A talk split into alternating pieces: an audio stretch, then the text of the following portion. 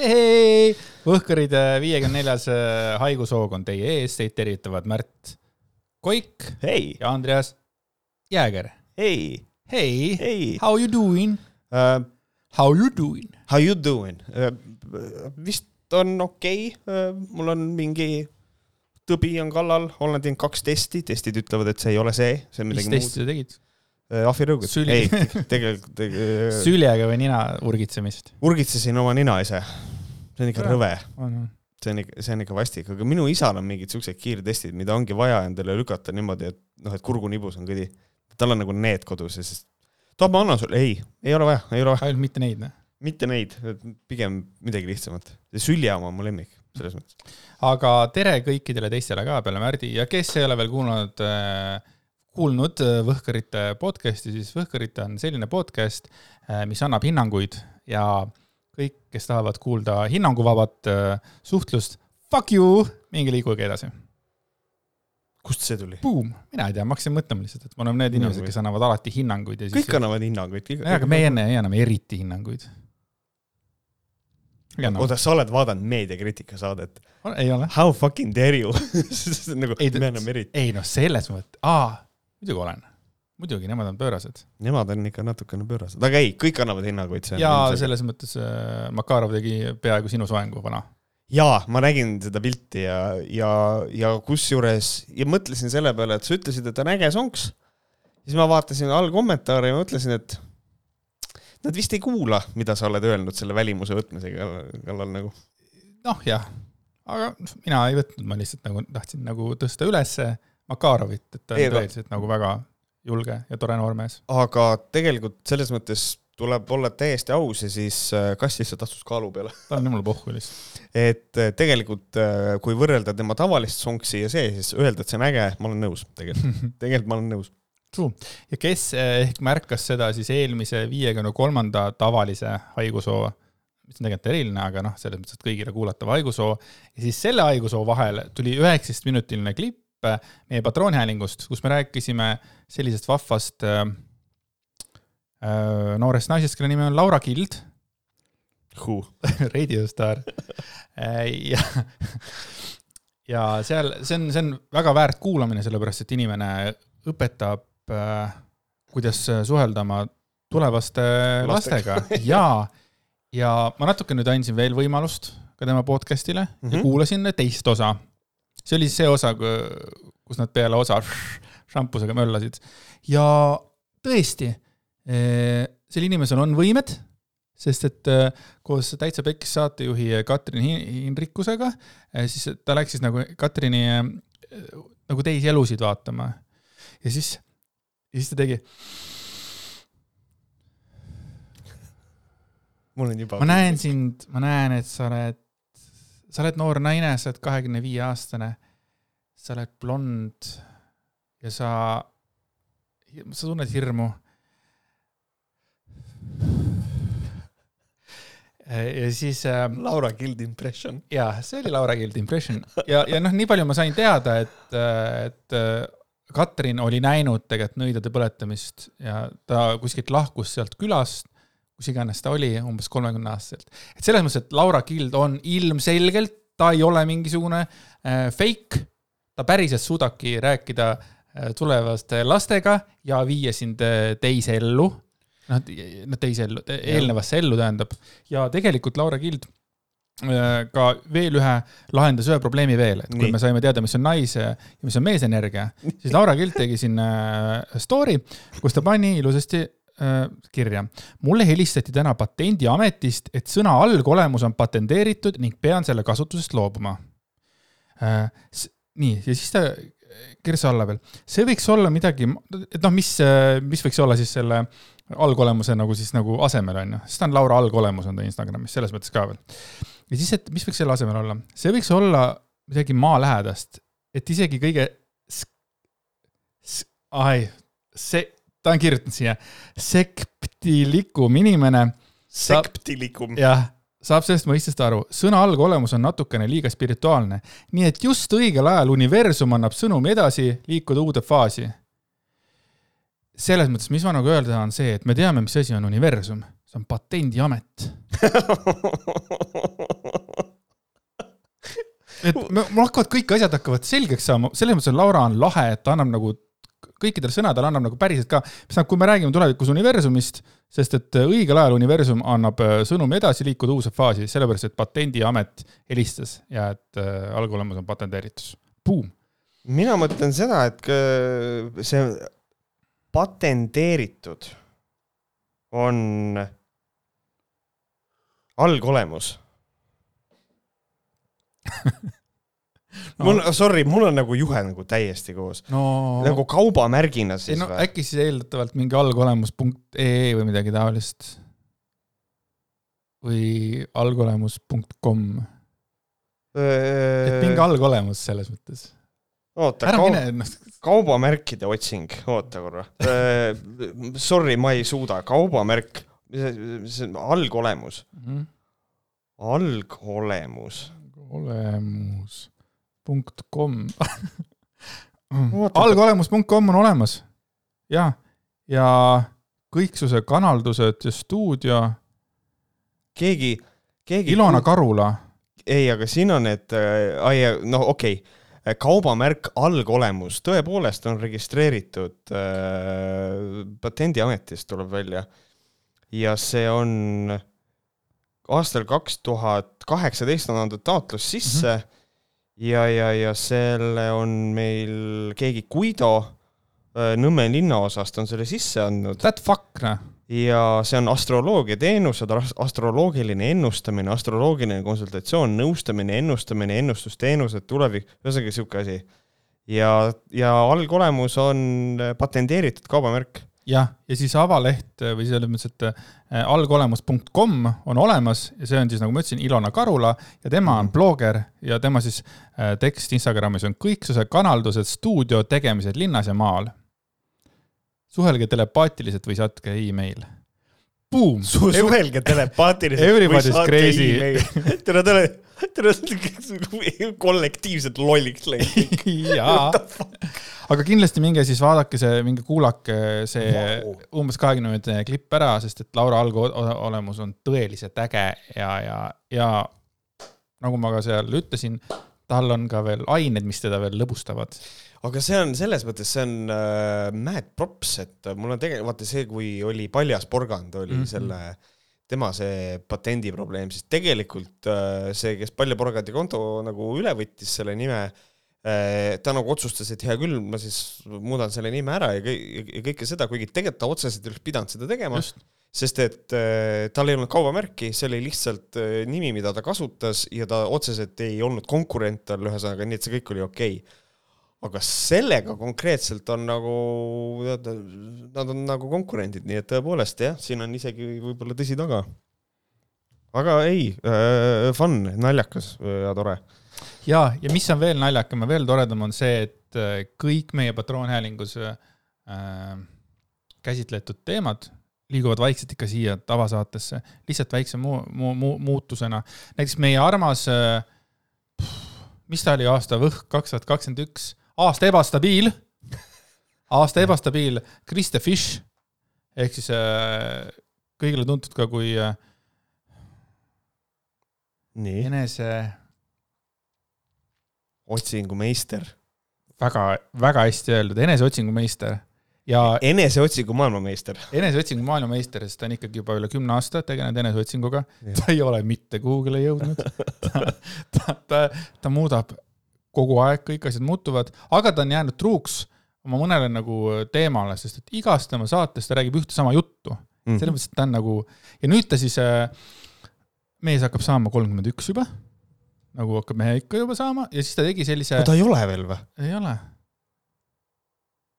ma reaalselt, noh, sa arvasid, sa arvasid, Jaak Madissoni stiili onju. ei, mina, ei, ma arvasin, et ta on vanem ja, ma arvasin, et ta on vanem No ma olen väga üllatunud. elu on talle olnud raske, võib-olla. sest ta on, ta, ta on ikkagi, ma arvan, et ta on Eesti üks väheseid äh, põhiharidusega gurusid. elu ei ole olnud talle raske though. Let's be honest, elu on nagu seda venda nagu käte peal kandnud, see on, ta luckiest motherfucker I know. seda küll jah, aga jaa, et ta on ikkagi kõige kõrgemini austatud põhiharidusega guru enese ähm, teaduslikus maastikus Äh, lihtsalt hästi kiiresti, enne kui nagu seal põhiteemani läheks, siis ta, tal oli ka mõned äh, taipamised, mis ta siis pani kirja, kolmkümmend kaks tükki muide. ja ma mingi mõned asjad, millest tahaks arutada korra sinuga, siin on mm -hmm. üks, kaks, kolm, neli, viis, ütleme viis tükki. Äh, üks punkt, mis tal seal oli, sellest kolmekümne kahest, oli avalda arvamust vaid siis, kui küsitakse. see on asi, millest ta isegi kinni ei pea kes see küsis äh, tema käest äh,? kolmekümmend kahte taipamist yeah. või kahtesada viitekümmet saadet või aasta võhad, aasta halvim podcast näiteks, kus nad avaldavad ka arvamusi. jah, just, just., et nagu selles mõttes see, see on, see on küll veider või see, et mina võin ja teised mitte, sellepärast et siis mul on konkurentsi või? patent mm. -hmm.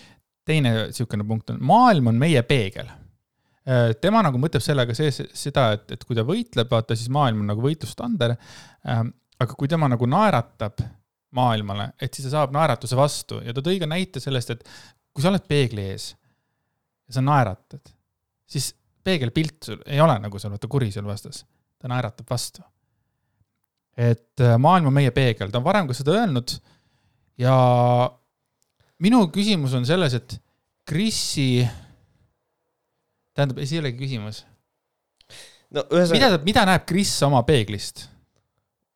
sedasama, mida kõik teised äh, valguse peegeldust äh, ja läbi selle iseennast, et nagu mina leian seda, et ta tõlgendab seda nagu, et maailm on meie peegel nagu täiesti valesti, et see ei tähenda seda, et kui sina oled maailma suhtes nagu naeratad iga asja peale, näed äh, Ukraina sõda naeratad Ukraina suunas ja siis Ukraina naeratab vastu, see ei tähenda seda, et maailm on meie peegel, tähendab seda, et maailm, kus me äh, nagu elame, on terviklikult ikkagi inimese nägu. ehk siis kõik meie pahed, kõik meie head asjad, mis me teeme, need on maailmas olemas ja me näeme neid mujal ka. Ehk siis äh, kui me näeme kuskil, äh, et ollakse, ma ei tea, et on rahaahned inimesed, on ahnus, seal on kannatusi, kõike seda, siis noh, tegelikult me, need kõik asjad on meie sees ka olemas aga see ei ole nüüd niimoodi, et ma nüüd lähen õue, hakkan manifesteerima, siis maailm on niisugune, nagu ma nagu, see eeldab mingit väga tugevat mingit happelaksu, et ma nagu näeks, kuidas maailm minu tahte järgi nagu hakkab vähenduma, ma ei tea, see on veider. No ta on, ta on teinud mitu seda soolepuhastust, nii et kindlasti ta midagi, midagi on näinud ja tundnud.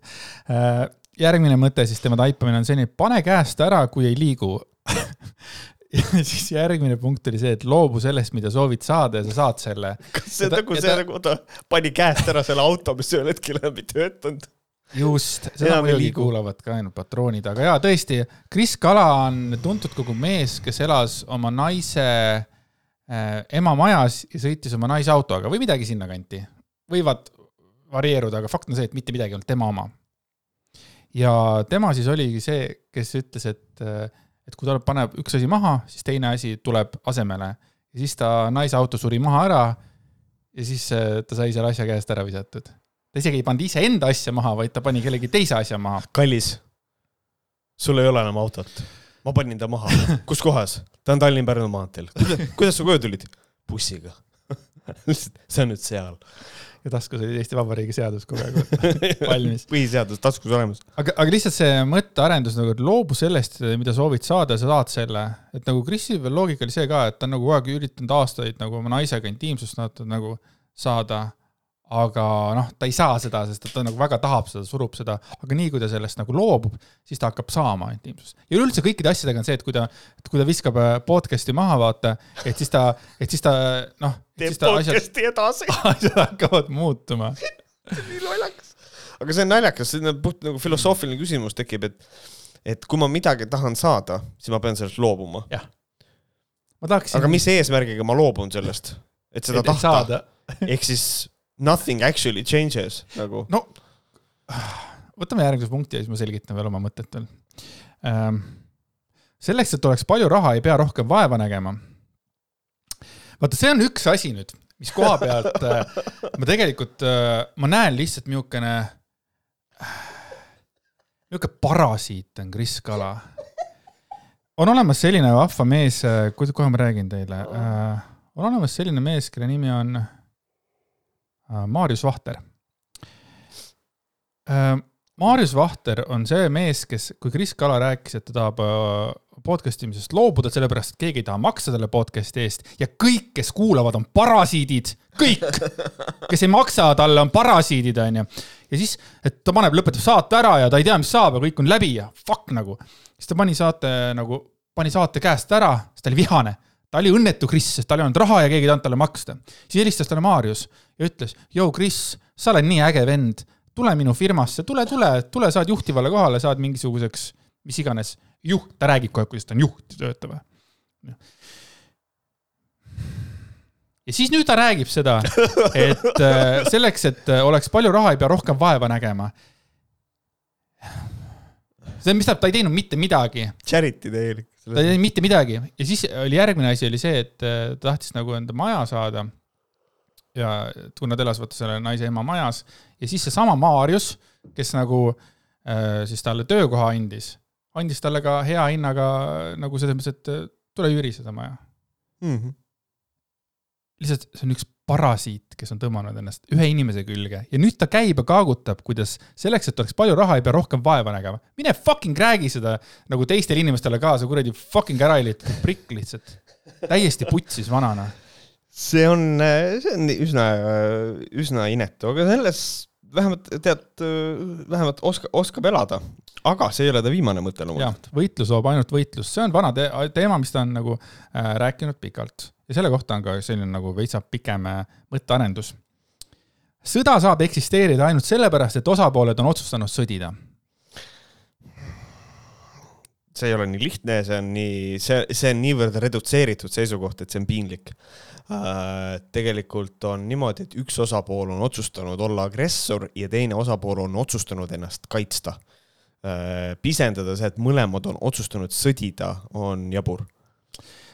Kris jätkab, kui üks osapool lõpetaks sõdimise, siis ei oleks sõda, vaid oleks võib-olla rahumeelne allutamine või vallutamine või juhtuks hoopis midagi muud kolmandat, mida me ei oska ette kujutadagi. kui on mingi kolmas asi, mida me ei oska ette kujutada, siis kuidas me üldse saame öelda või spekuleerida, et see kolmas asi eksisteerib?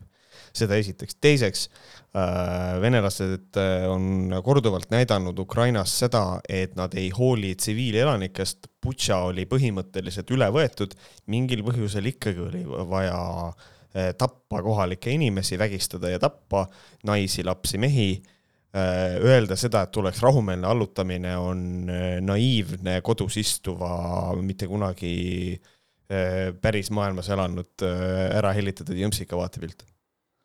mm. -hmm. nii on. nüüd sinu küsimus võib olla see, ei no aga siis ju sõidetakse lihtsalt üle, eks ole. et toome selle Venemaa-Ukraina näite, et kui Ukraina otsustaks mitte sõdida, siis Ukrainast saab Venemaa. noh, siis saab, on ju. see võib kõlada väga naljakalt see ei ole naljakas. mul ei ole ühtset vastust selle peale, kui mitte võidelda, aga ma olen väga tugev, aga ma väga tugevalt näen oma elus viimase aasta ka jälle intensiivsemalt. okei okay,, siis ma kohe jätkan. mis tähendab, Kris Kala praegu ütles, et uh, Ukraina fucking ära, ära sõdi, anna alla. sinust saab Venemaa, see võib olla naljakas. on ju, selles mõttes. ja, ja Kris ütles ka seda, et, et noh, tema elu läheb lihtsalt edasi, see, mis seal toimub, see ei puuduta teda. tema elu läheb edasi ja kui kunagi tuleb selline situatsioon, ta rääkis sedasama juttu jälle, sest ta on varem ka rääkinud, ja kui kunagi tuleb situatsioon, kus Eesti mehed kõik peavad sõtta minema, siis tema usub sellesse, et paljud võetakse sõjaväkke, aga tema maja lihtsalt jäetakse vahele. see on, see on, see on fucking Kris Kala elufilosoofia, kõik, kõik, kas see antakse talle või kõik kuidagi juhtub niimoodi. Mhm, jah, selle, huvitav oleks küll, samas ma oleks käsi kokku, ütleks tubli Kris, kui olekski niimoodi, et tuleb sõda näiteks ja siis ongi kõik majad on puruks pommitatud, Kris on rahulikult eh, lamamistooli peal, kõik üle, ülejäänud majad on puruks pommitatud, tema maja on terve, tal on isegi muru roheline ja kõik, et see oleks iseenesest nagu, mul oleks talle väga hea meel selles mõttes. Well played, boy, well aga played. see on ikka vana, see on ikka, ei ole midagi öelda, Kris on julge. et On, ta jaa. julgeb sellised äh, asjad nagu välja öelda, ei noh, võtavad üle, siis, siis võtavad, noh, mis seal ikka, nende mehed võib-olla tapetakse ära seal hiljem ja, ja naised ja kõik, kõik tehakse, Venemaa on teinud aastasadu vist juba arvatavasti. noh, selles mõttes genotsiid, no jaa, aga, aga ise nad otsustasid sõdida. jah, ise otsustasid jah, ehm,. suht karm. nii, nüüd tulebki, sest viimase aastaga on palju muutunud, ise inimesena ja materiaalne maailm, materiaalne heaolu on kasvanud tohutult, et ma ei ole mitte kunagi oma elus olnud nii heas kohas, kui ma olen täna. ja ma saan olla tänulik vaid ainult iseendale, sellepärast, et ma olen valmis lõpuks ometi selle informatsiooniga, mida ma olen eelnevate aastate jooksul, olen valmis seda rakendama. ta saab olla, saad aru, Maarjus, kui sa kuulad, siis, siis see fucking tänamatu, tänamatu kolmekümneaastane Brick ütleb, et tema saab tänulik olla ainult iseendale. see, et sina, Maarjus, andsid talle töökoha, kus ta nüüd on õnnelik, Kris, ja ta saab edasi podcast ida, mis ei ole seotud kuidagi podcast'iga, vaid lihtsalt ta on nüüd õnnelik, sest tal on nagu raha, vaata ja et, et sa, et sa andsid talle ka niimoodi kodu, kus saab nüüd rahulikult kuradi ma jalad kuradi laua peale visata, eks ole, vaadata, kuidas naine kaevab, eks ole. et selles mõttes ta saab olla ainult tänulik iseendale kuidas siuksed, kus inimesed, siuksed inimesed tulevad? Ei... tänamatu fucking ja, asshole. ma ei kujuta ette, et nagu selles mõttes see on, see on minu jaoks nii, niivõrd arusaamatu, et ma, ma võin olla, isegi ma võin teha tööd ja öelda, et jah, ma olen ennast ise üles töötanud, aga öelda seda, et ma saan olla tänulik ainult, ainult iseendale, on ikka täiesti vale mm -hmm. seisukoht. et nagu kindlasti mitte, et et äh, kas ma saan olla tänulik ainult iseendale nagu selle pealt, et ma olen endale suutnud, ma ei tea, striimimisega üle rohkem kui sajapealise vaatajaskonna, kes kogu aeg mind vaatavad, üles ehitada. no jaa, aga need inimesed on seda nagu üldse nagu üldse võimaldanud, ma ei, ma ei saa öelda, et ma olen tänulik ainult iseendale, ma olen oma vaatajatele ja kuulajatele ka väga-väga tänulik, et see on nagu, see on hästi veider seisukoht ja see on, see on kummaline, mismoodi siit, noh, siit tuleb tema egoism nagu nii palju välja, et see on mm. inetu tegelikult, et mul, mind eriti nukker on see, et äh, tema fännid, kes nagu seda kuulavad, on nagu jaa, näete, manifesteeris ja kõik, aga, aga tegelikult ta ei pea üldse lugu, mulle tundub ikkagi oma kuulajatest ja vaatajatest. seda me jah teame ja sellega oli ka veel üks äh, hea pull oli, et nüüd ongi niimoodi, et nüüd tal on nagu raha. et noh, ta mm -hmm. räägib kogu aeg, kuidas tal on nagu raha, et tal on rohkem raha, kui tal kunagi varem on olnud ta, ta teeb nii vähe tööd ja et, et kõik, mis nagu noh, ei lähe edasi ja kõik, mis on raske, et sa viska kõrvale ja et noh, see on jälle täpselt niisugune nagu noh, vend nagu, kes ei ole kunagi pidanud nagu tööd tegema, sellise inimese jutt on ju aga kõige nagu pullim selle asja juures on see, et äh, siis ta ütles ka, et äh, tal oli valida, kas osta see auto või osta natuke uuem auto, onju. ja siis ütleb, et noh, et mul on raha nii palju, et mul ei ole kunagi nii palju raha olnud. aga siis noh, ma ei ole nii rikas, et saaks osta vana auto, mida nagu kogu aeg parandada türa, sa kogu aeg räägid, et sul on nüüd nii palju raha, sa oled oma elus parimas kohas ja siis sa ütled, sa, sul ei ole nagu, sa ei saa osta seda autot, sellepärast sul ei ole raha tema parandamiseks. kas sul siis on raha või ei ole raha? rääkimata sellest, et miks on vaja kogu aeg seda nagu korrutada igas saates seitseteist korra, et tal on nüüd raha. ma saan aru selles mõttes äh,, rikkus ei ole häbiasi ja ma olen nagu sellel ka teemal nagu arutlenud, et see on nagu sihuke imelik nõukaaegne äh, Äh, mentaliteet, et me räägime seda, kuidas meil läheb halvasti ja kuidas meil ei ole raha ja me ei, rahast ei räägita, nagu me eelmine kord rääkisime, et rahast yeah, ei räägita yeah. üldiselt nagu, me ei hakka rääkima, et kui meil läheb hästi, on ju. Mhm. noh, et selles mõttes, et Kris on tubli, et ta räägib, et tal läheb hästi, aga vaata, Krisi puhul, vot, vot see ongi see, see on see, see on see õhkõrn joon, mis ta on rõvedalt ületab, on see, et sellest nagu, sellest rääkimisest või arutlusest või mis iganes asjast äh, rõõmu jagamisest on saanud lihtsalt üks ülbus. kuidas temal on nii palju raha ja ta ei tee üldse tööd, jälle Maarjus sellise inimese leiad nagu see tööle endale või? ei ole nagu väga tänulik. absoluutselt. nagu pane paika, kurat. aga noh, ühesõnaga jah, et äh, ma olen, ma olen nõus, rikkus tegelikult ei ole häbiasi. Äh, aga, aga noh, sellega siukene poosetamine ja vot see on nagu ebameeldiv, kui keegi kogu aeg räägib, et mul on nii palju raha ja siis ühel hetkel ütleb, no jaa, aga seal autoremont on nii kallis. Sorry, what? nagu, et selles mõttes see on hea point jah mm. -hmm vot, aga suur tänu Krisile, et oled olemas, et äh, loodame, et su eneseotsingud jätkuvad ja loodan, et sa enne surma ennast ka leiad äh, kuskilt. Äh, ava, võib-olla nagu Ugala teater, Avastajand teatris, midagi sellist. aga äh, rääkides siin eneseavastamisest ja mitte ainult eneseavastamisest, vaid ka avastamine, et avastatakse asju, millest mitte keegi ei olnud teadlik. Rammsteini kontsert oli mis äh, mind isiklikult jättis täiesti külmaks, ma ei ole Rammsteini kuulaja äh, olnud never ever. aga siis, äh, kes veel tähele pani, et Rammsteini kontsert on, on meie kõikide suur armastatud lemmik Varro Vooglaid, kes kirjutas Facebooki järgneva postituse paistab, et eile toimus laulurahva pühapaigas suuremat sorti satanistlik riitus. ootuspäraselt elas meedia sellel õhinal kaasa. inimeste vaimustumine niisugusest asjast jääb sügavalt arusaamatuks. minu arvates see oli väga mitteootuspärane, ma olin täiesti üllatunud, kui ma tegin lahti kontserdil olles, korraks istusin maha enne kontserdi, tegin lahti ja vaatasin, et oo, Kroonika teeb põhimõtteliselt otsereportaaži. mm. -hmm. Holy shit, nagu ma ei ole siukest asja muidu näinud. selles mõttes, et see ootus, ootuspäraselt elas meedia selle lühinal kaasa. ma ei tea, aga jaa, mina käisin ka kontserdil. ma olin ikka seal no ikka täitsa ees, põhimõtteliselt ma sain nagu tilli, tilli katsuda. said tilliga pähe ma sain tilliga pähe, olin ikka, no ma olin ikka väga ees. okei okay,, okei okay. noh, ühesõnaga satanistlik riitus mm. -hmm. noh, siin on vist oleks hea mainida seda, et ikkagi, et Varro Vooglaiu puhul ei tohi unustada, et tegu on katoliiklasega ja igasugune sihuke satanistlik äh, saatanlik ja kõik selline värk, et see on ikkagi tema jaoks ilmselt nagu ikkagi päriselt eksisteeriv asi, eks ole. et siit ilmselt nagu see ka tuleb.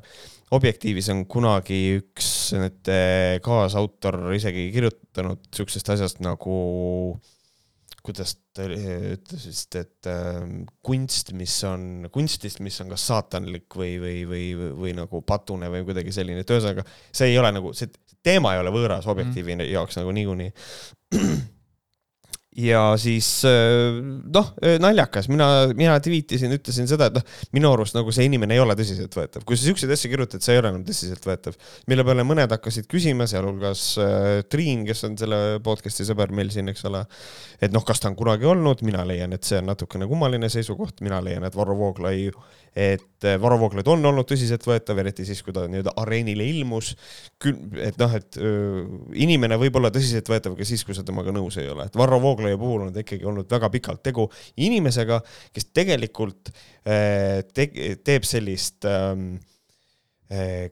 kontrakultuuri juhib mõnes mõttes, et ta on tegelikult tõsiseltvõetav ja seda nagu pisendada selle kohta ei ole kunagi olnud tõsiseltvõetav, on minu arust natukene nagu nõme. ma leian, et see ei ole nagu päris õige aga noh, siin me oleme, aga si. siin me oleme selles mõttes, et noh, see ei ole, see, see, see, kui ma nägin seda, ma nagu ahhu eitasin täielikult ära nagu tegelikult ka, no muidugi see, selles mõttes, et, et noh, tõesti, ja Varro tegelikult ei üllata mind enam ammu, lihtsalt see ongi nagu tore asi, mis jälle ta viskab meile nagu kondi ette on ju selliste asjadega, aga nagu tegelikult ka, see on nagu see, millega sa tegeled mingi Rammsteini kontserdiga või? jah, nagu, nagu fucking for real, et nagu ma ei tea, nüüd tuleb, ma ei tea, mine siis tagasi selle abordi juurde või midagi nagu, mis on nagu päris teema nagu. jah yeah et see ongi niimoodi, et ta liigutab seda nagu väravaposti järjest kaugemale, siis hakkavad tunduma need lollid teemad, mis ta nüüd järgmise asjaga tuleb, tunduvad jälle nagu targad, sellepärast noh, ta vähemalt ei räägi Rammsteini kontserdist. jah, vaata, aga siin ongi nagu see, millest noh, see ilmselt tuleb, no me ka jõuame selleni ka, aga aga tegelikult Rammsteini kontserdil, kui ma ei eksi, siis seal oli üle kuuekümne tuhande inimese. ja kuuskümmend viis kilo kõik olid minu taga lihtsalt kus, et Andrese selja taga oli kuuskümmend tuhat inimest. ma nüüd räägin seda, kui ees ma olin kogu aeg nagu Kris Kala räägib, kui rikas ta on, ma räägin terve saade, ma räägin räägin kõik saated tulevikus. ma olen Ramsil täiega ees. proovime viisi, kuidas kogu aeg sisse mängida. et äh, seal on kuuskümmend, nagu sa ütlesid, kuuskümmend viis tuhat inimest. ma lugesin ära. et tegelikult äh, mina leian, et võttes arvesse seda, kui populaarne ja kui tegelikult, ma ei tea, mõni inimene leiab, et see on hästi halb sõna, mida kasutada, aga see, kui mainstream on Rammstein võib-olla ei ole nagu väga hea mõte seda nagu saatanlikuks riituseks nimetada, võttes, võttes arvesse, et selle kuuekümne viie tuhande inimese hulgas on inimesi, kes on sinu fännid ka, Varro et äh, aga noh, võib-olla ta on nagu selle sildade põletamise peale, et ei, et minu fännid ei käi Rammsteini vaatamas. ja no ma arvan, et üks kaks-kolm inimest otsustasid, et ei, jah, kui Varro ütleb, ega siis on küll saatanlik jah. siukseid debiile on olemas Eestis küll, kes on nagu nii kui Varro ütleb hüppa, siis ta küsib, kui kõrgele. et nagu selles mõttes see on võimalik küll, aga, aga see on kummaline valik küll, selle Rammsteini kallal võtma hakata aga äh, on nagu olemas ka vahvaid kommentaare, mis olid siis selle postituse all millest äh, siis mõned me loeme teile ette ka, sest et siin on huvitavaid seisukohavõtte küll. mõni on isegi, äh, ütleme, kuulsa inimese oma mm. -hmm, absoluutselt ehm,. Esimene ei ole kuulsa. esimene, esimene ei ole ähm,. Eh, see vist on Tõnu siis või ma, ma eeldan, et ta ei ole Tonu Jürgenson. Tonu jah, et äh, Tõnu Jürgenson või Jürgenson Äh, kirjutas niimoodi, mis seal arusaamatu on, väga lahe isikupärane bänd, mis teeb väga head muusikat, äh, kellel meeldib teistsugune muusika, see kuulaku teistsugust muusikat. Äh, kas peab igat asja hakkama kritiseerima, kui see ei vasta isiklikule maitsele? see on väga based, see on väga kõva seisukohavõtt, et selles ja, mõttes, et see on fucking muusika. kui ei meeldi, siis, siis noh, kuula, kuula midagi muud, et noh, las inimesed olla. ja Varro Vooglaid vastab sellele, et Kroonika vahendab nii nii sõudes kui laulusõnadest õhkub sadomasohhismi, homoseksuaalsust, intsesti, nekrofiiliat, kannibalismi ja seksuaalset vägivalda. laval kasutatakse sageli sekslelusid, kirjutab Eurochannel. on, on veel küsimusi, küsimärk, et see on kuidagi nagu Varro selline kuidagi noh, sõi, ta vist sõi enne üks või kaks siukest Lioni šokolaadi ära ja siis läks, on veel küsimusi ja et selline natukene nagu roleplay ib siukest kõva meest aga selles mõttes on jälle hästi armas, et Kroonika ja Varro on nii nagu lähedasteks saanud, et juba ta tsiteerib Kroonikat. Varro Vooglaid fucking tsiteerib Kroonikat. peavoolumeedia, mis kogu aeg valetab. kas ta ise sai aru nagu, et ta astus selle kämbrisse või ei, ei? ma ei, ma ei usu. alguses ta lihtsalt võttis nagu selle, mis talle äh, kasulik oli, onju. sest ma arvan küll jah, sest et Taisto Rätsep on alla kirjutanud äh, Varro Vooglaiule, et ära tag inud, ta küsis, mis, mis ajast sa Kroonikas kirjutatud usud. ja, ja vot ähm, see küsimus on, on minu arust ülikõva, sest et nagu tõesti, see on see ikkagi, et, ähm, et noh, et mina ei usalda Eesti Vabariigi kohtusüsteemi, ma ei usalda Eesti äh, Vabariigi riigiaparaati. ma ei NATO, usalda. Äh, euroliit. euroliit, kõik see, see kõik on täielik ja. prügi, ma ei, ma ei, ma ei anna praegu Varro seisukohti, vaid ma üldistan nagu üldiselt, võtan, loon siukse karakteri. ma ei usalda eh, peavoolumeediat, ma ei usalda meie kaubandust välja arvatud siis, kui see on mulle kuidagi kasulik. välja arvatud siis, kui nad on minu poolt mingis asjas mm. -hmm. välja arvatud siis, kui seal poes müüakse, kui seal on allahindlus kui apteegis on allahindlus, siis on Big Pharma on te tegelikult okei okay. et, et see on nagu täpselt samamoodi, et noh, peavoolumeedia Kroonika, see kõik Ekspress ja see on korduvalt ennast täis teinud ja kõik, aga Kroonikas kirjutab näe niimoodi uh,. Dude dude, nagu on sul kõik hästi või? mina mõtlesin selle peale, et kas sa, sa, satanistlikul rituaalil siis nagu, kas see äh, sekslelud, kuidas need puutuvad saatanlikku rituaali eee...? laval kasutatakse sageli sekslelusid, kas, kas ta on käinud saatanlikul rituaalil või mis selle seksleludega on nagu? tähendab, selles mõttes esitab no, küsimus, et ta teab kuidagi nende riituste kohta kahtlaselt palju. see on, see on, see on tõde äh, ei, ma, ma olen kuulnud ja olen, ja olen lugenud, okei okay,, siis see, kes kirjutas, pidi neid asju teadma, et minu arust on see naljakas ähm,. ma olen suhteliselt kindel, et äh, ikkagi, ma olen kunagi retweetinud ka siukest, siukest säutsu oli ju. Retweetinud, ei, ma ei oska sellest teha kalambuuri, sorry Äh, aga et, ähm, et kuidas kristlaste arvates geiseks käib ja siis on niimoodi, et kaks meest on nii hoolasti pentagrammi keskel, seisavad nagu küünlad on ümberringi. et siin on nagu samamoodi, et nagu kas, kas homoseksuaalsus on, on siis nagu saatanast või.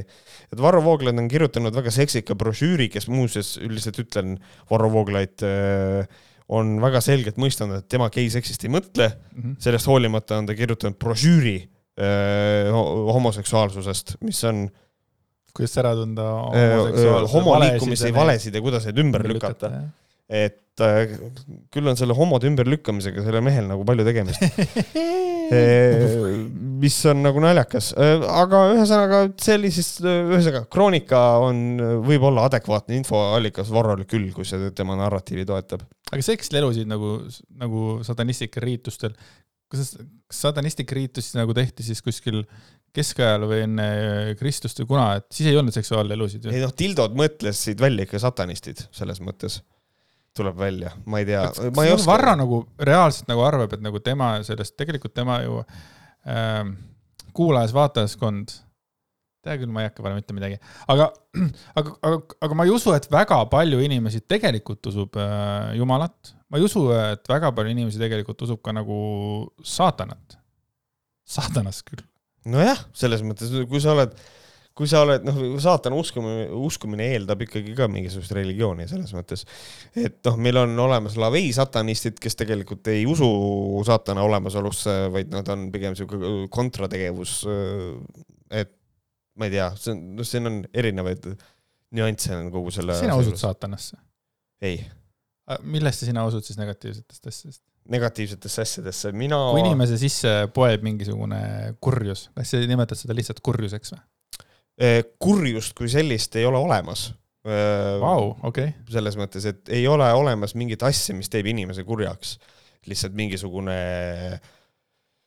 eh, kuidas ma ütlen, mingisugune sihuke maagiline asi, et nüüd inimene on sellepärast kuri. inimene võib olla kuri sellepärast, et tema aju on teistsugune, mis noh, näiteks siis psühhopaadid, eks ole, nende aju on natukene teistsugune. inimene võib olla sotsiopaat, mis siis siia tuleb juba juurde, see, kuidas ta on kasva-, nagu tema ümber, kuidas tema keskkond on teda muundanud.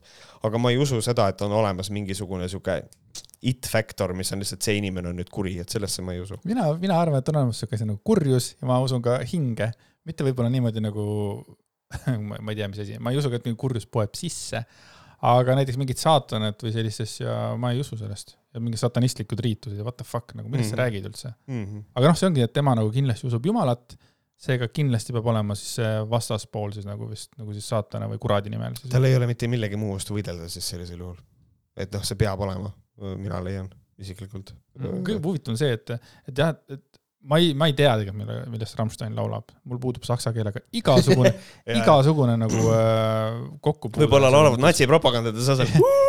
jah, aga ma tunnistan ausalt, et mulle nagu Rammstein nagu väga meeldib, mulle meeldib äh, nende see muusika ja mis asja nad teevad ja laval oli neid üliäge vaadata nagu. see on kõige, kõige, ma arvan, et see on kõige parem asi, mida ma olen näinud nagu laval just, et nagu kogu aeg sul on nagu vaadata midagi, vaata, ei ole lihtsalt viis või kuus igavat mingit venda, vaid seal toimub kogu aeg mitte midagi, nagu ma ei mõtle ainult mingeid leeke, vaid karakterid, mis nad on teinud ja, ja nagu täiesti sõge, lihtsalt vaatad, holy shit, see on amazing nagu mm. tõesti hästi äge kontsert oli muide ja see ei olnud üldse satanistlik riitus, ma ei tundnud ühtegi nagu negatiivset või õudset või kurjus ei tulnud. kurjus, jah, minu tulnud. sees ei olnud nagu väikest kurjust, mu sees oli vau, äge.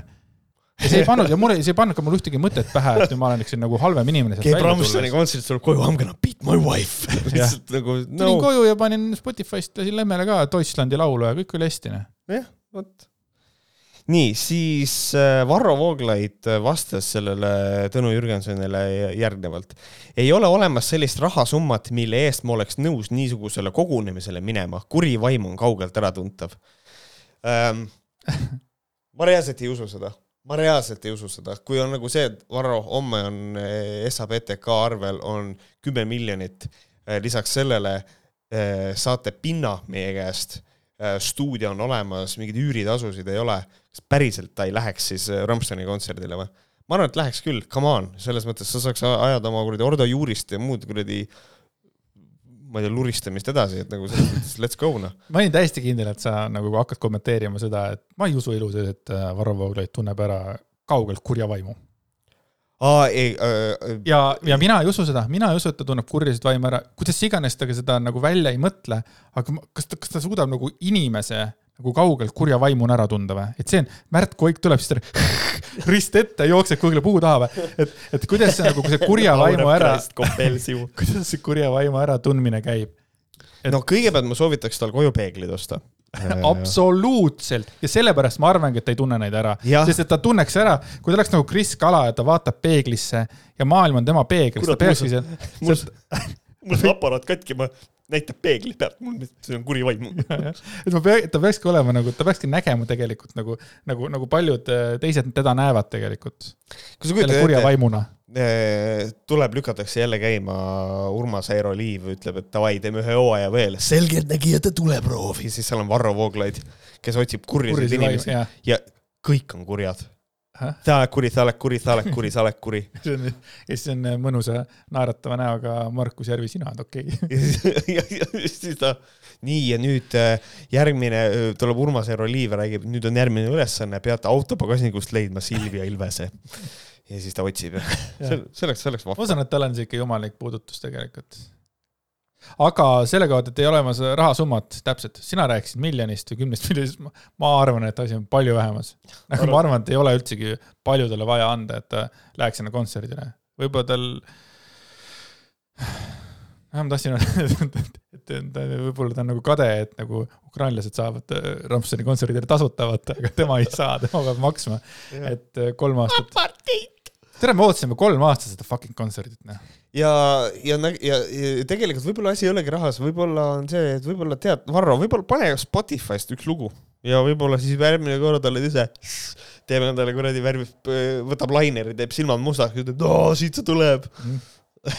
suuduvad, jõu rõve, kõik see, ma ei tea, see on tuhast nii. oh see, issand, see oleks vägev. nii, aga äh, Taavi Tikerpalu kirjutab kommentaari, täiesti vale koht selle show jaoks. kui nad, kui nad vaid saaks, nad tuleksid kindlasti kirikusse ka räuskama. prügimäel oleks väga kohane seda muusikat ja sõnumit ma nautida. usun, ma loodan, et nad on esinenud prügimäel, prügimägi tundub üliäge koht, kus esineda tegelikult. mingi suur, suur prügimägi. ja siis möllavad seal. nii, aga kusjuures mina arvan, et Rammstein ei tahaks esineda Kirikus. kirikus., sest et kirikus on vähe ruumi. absoluutselt, kus nad panevad see kuuskümmend viis tuhat inimest siis? et, et noh, kuuskümmend viis tuhat inimest, see on rohkem kui äh, ma, ma nüüd olen väga, ma nüüd olen, olen väga vastuolulise lause ütlen, see on rohkem inimesi, kes siin kuu aja jooksul Eestis kirikus kokku käib. et ma arvan, et see on et see on ikkagi nagu, nad ei esineks kirikus. noh, mina vaatasin neid inimesi, kes kõik minu selja taga seisid, et ma olin nii ees. ja, siis ma mõtlesin, et Tubli. hmm, see on umbes viiekordne arv seda, kui palju on Võhkarit kuulatud ja see tund-, ma tundsin ennast amazing una, mul läksin kohe nagu rüht läks nagu püsti ja kuradi oks läks laiali, rind läks, chest läks kuradi appis ja biiti ja värki. täiega. aga Nii. jaa, ei, aga kirikus iseenesest nagu. kirikus on akustika hea, aga ma ei kujuta ette, et siukse kuradi rokk-kontserti teha. ma käisin Rolf Roosalut vaatamas kirikus. jah, ta tegi selle mingisuguse tüübiga, mingi kikasega äkki. ainus kikas, kes mulle ette tuleb, on Kaupo ja ta on fotograaf, nii et ilmselt ei olnud tema. see ei olnud äh, tema, see oli mingi valgusshow oli, et põhimõtteliselt noh, seal, see on põhimõtteliselt sama asi ju. kusjuures ma nägin pilte ja ma nägin, et äh, minu lemmik äh, Eesti pedofiil Venno Loosaar oli ka seal, lemmik Eesti pedofiil, Andreas, dude, come on. oli ka ilusasti Rammsteini äh, järjekorras. jah, et fotograaf oli leidnud kuuekümne viie tuhande seast ülesse ma mõtlesin, et sa ütled, et- Venno Loosaar oli, oli ka, issand, vaene Venno. ma mõtlen, ma mõtlen Venno koha pealt nagu seda, tal on Rammsteini kontserdidele, kui ta, kui ta ei ole esireas, tal on perses, noh. tal on putsis, ta ju ei näe. tal on putsis ja talt mineti, see oligi mingi kuus pluss vanus, et ah, tead, jätan selle naljaga mujale. et Ei,, et ühesõnaga, et, et, et selles mõttes Vennole, et ma loodan, et sul meeldis kontsert. arvad, venna kuulab ka Võhkareid või ei. okay.? aga kui kunagi arhiivist kuulab, aga mis sa arvad, kumb kuulaks ennem Võhkareid, kas Varro Vooglaid või Venno Loosaar? ma ütlen Venno, Davai, ma ütlen, et Venno kuulaks enne. jah, ma arvan küll. oota, mis sa arvad, kumb kuulaks ennem Võhkareid, kas Kersti Kaljulaid, Läid, Kersti Kaljulaid või Kaja Kallas? Kaja Kallas. okei okay,, ja viimane, mis Nii. sa arvad, kumb kuulaks äh, esimesena Võhkareid, kas esimene. ennem Võhkareid, kas Elvis Brouer või Andero Pebre? Elvis Brouer. Davai. rääkides Elvis Brouerist, sihuke segway, okei okay,, davai, lähme. Elvis Brouer äh, ka siis kommenteerib sinna alla ja Elvis on äh, ikkagi sihuke kirjatsura, et tema nagu kirjutab äh, nagu paremini. jutumärkides kirjutab siis laps, on siis jutumärkides. koos hälliga pandi laval põlema. jah, see oli mingi suur häll metallist, keegi isegi ei mõtle, et lapsi põletatakse peale Elvise. jah, just. Sõber keedeti katlas ja lasti õhku. see oli fun, oli tõesti katlas, oli see klahvkamäng ja see oli väga äge. sind pandi sellele kõigele kaasa elama, täiega raha eest. ja sada euri maksis see pilet seal ees. raha eest, sellepärast et kogu see show ja see kõik see tehnikarendid, kõik need asjad, reisid, piletid, kõik vaja kinni ma arvutasin peas ära, palju nad teenisid, rõvedalt. kuuskümmend viis tuhat korda, no ütleme, et seal olid need noh, see proletariaadi pilet oli mingi viiskümmend, kuuskümmend euri, vaata. sa mõtled need, kes ei olnud nii Need, ees kui kes ei sina? olnud nii ees nagu mina. no pane mingi, korruta see mingi seitsmekümne, kaheksakümne kuskil, palju sa saad, mingi neli milli ikka, noh suvalt. noh, siis läheb sinna, sinna, pa-pa-pa-pa-pa, no Rammstein ikka kaks milli ikka pani taskusse. ma arvan, et vähem. aga ma ei tea, ma ei tea. Aga ikkagi, need on kulud, mis on vaja katta ja noh, nad teevad seda oma ajast. paljud need ülejäänud inimesed saavad, kui sina lähed näidendit, ma ei lase sul praegu, kui sa lähed nagu näidendit tegema, näidend äh,, lavastust äh,. Lavastust lähed äh, etendama, tubli. nii. ütleme niimoodi, et teie palgafond on seal, viis näitlejat on kakskümmend tonni, mis iganes, kakskümmend tonni saate palka ühe näitleja eest ja pluss lavastaja, okei okay,, lavastaja ka, kuus inimest, nii, see on kakskümmend tonni. aga siis, kui suur on see ülejäänud crew ja kui palju need ülejäänud äh, asjad siis maksta võivad selle, sellega võrreldes? no rent näiteks või, või ma ei tea, Vanemuine, kas uh, vaata, siin on see asi, et näitleja ei tea neid numbreid, sellepärast et meil on Eestis kultuur, et teise, teise inimese palka ju ei tea mitte keegi. isegi kas oskad umbes nagu arvata? ei, sest et kas näitleja, pool, kas pool äh, tuleb juurde veel selle üüriasjade juurest või tuleb see veel, kolmekordne suurus on see või? ja mingisugused lavamehed ja mingisugused, ma ei tea, tiketimüüjad ja, ja, ja hiljem ma ei tea, ma arvan, ma kipun arvama seda, et noh, et äh, ma repertuaariteatritest ei oska rääkida, aga ma kipun arvama seda, et palgad on suhteliselt võrdsed äh, across the board. Võib-olla kui on tuntud näitleja, siis võib-olla küsib rohkem raha sa mõtlesid nagu näitleja saab sama palju kui äh, valgustaja või? äh,. ma arvan, et nõks rohkem, aga mitte väga palju. sellepärast, et noh, nad on kõik niivõrd võrdsed mutrid selles mõttes, et Mhm. äh, aga siin ongi see, et ega, ega ma ei tea.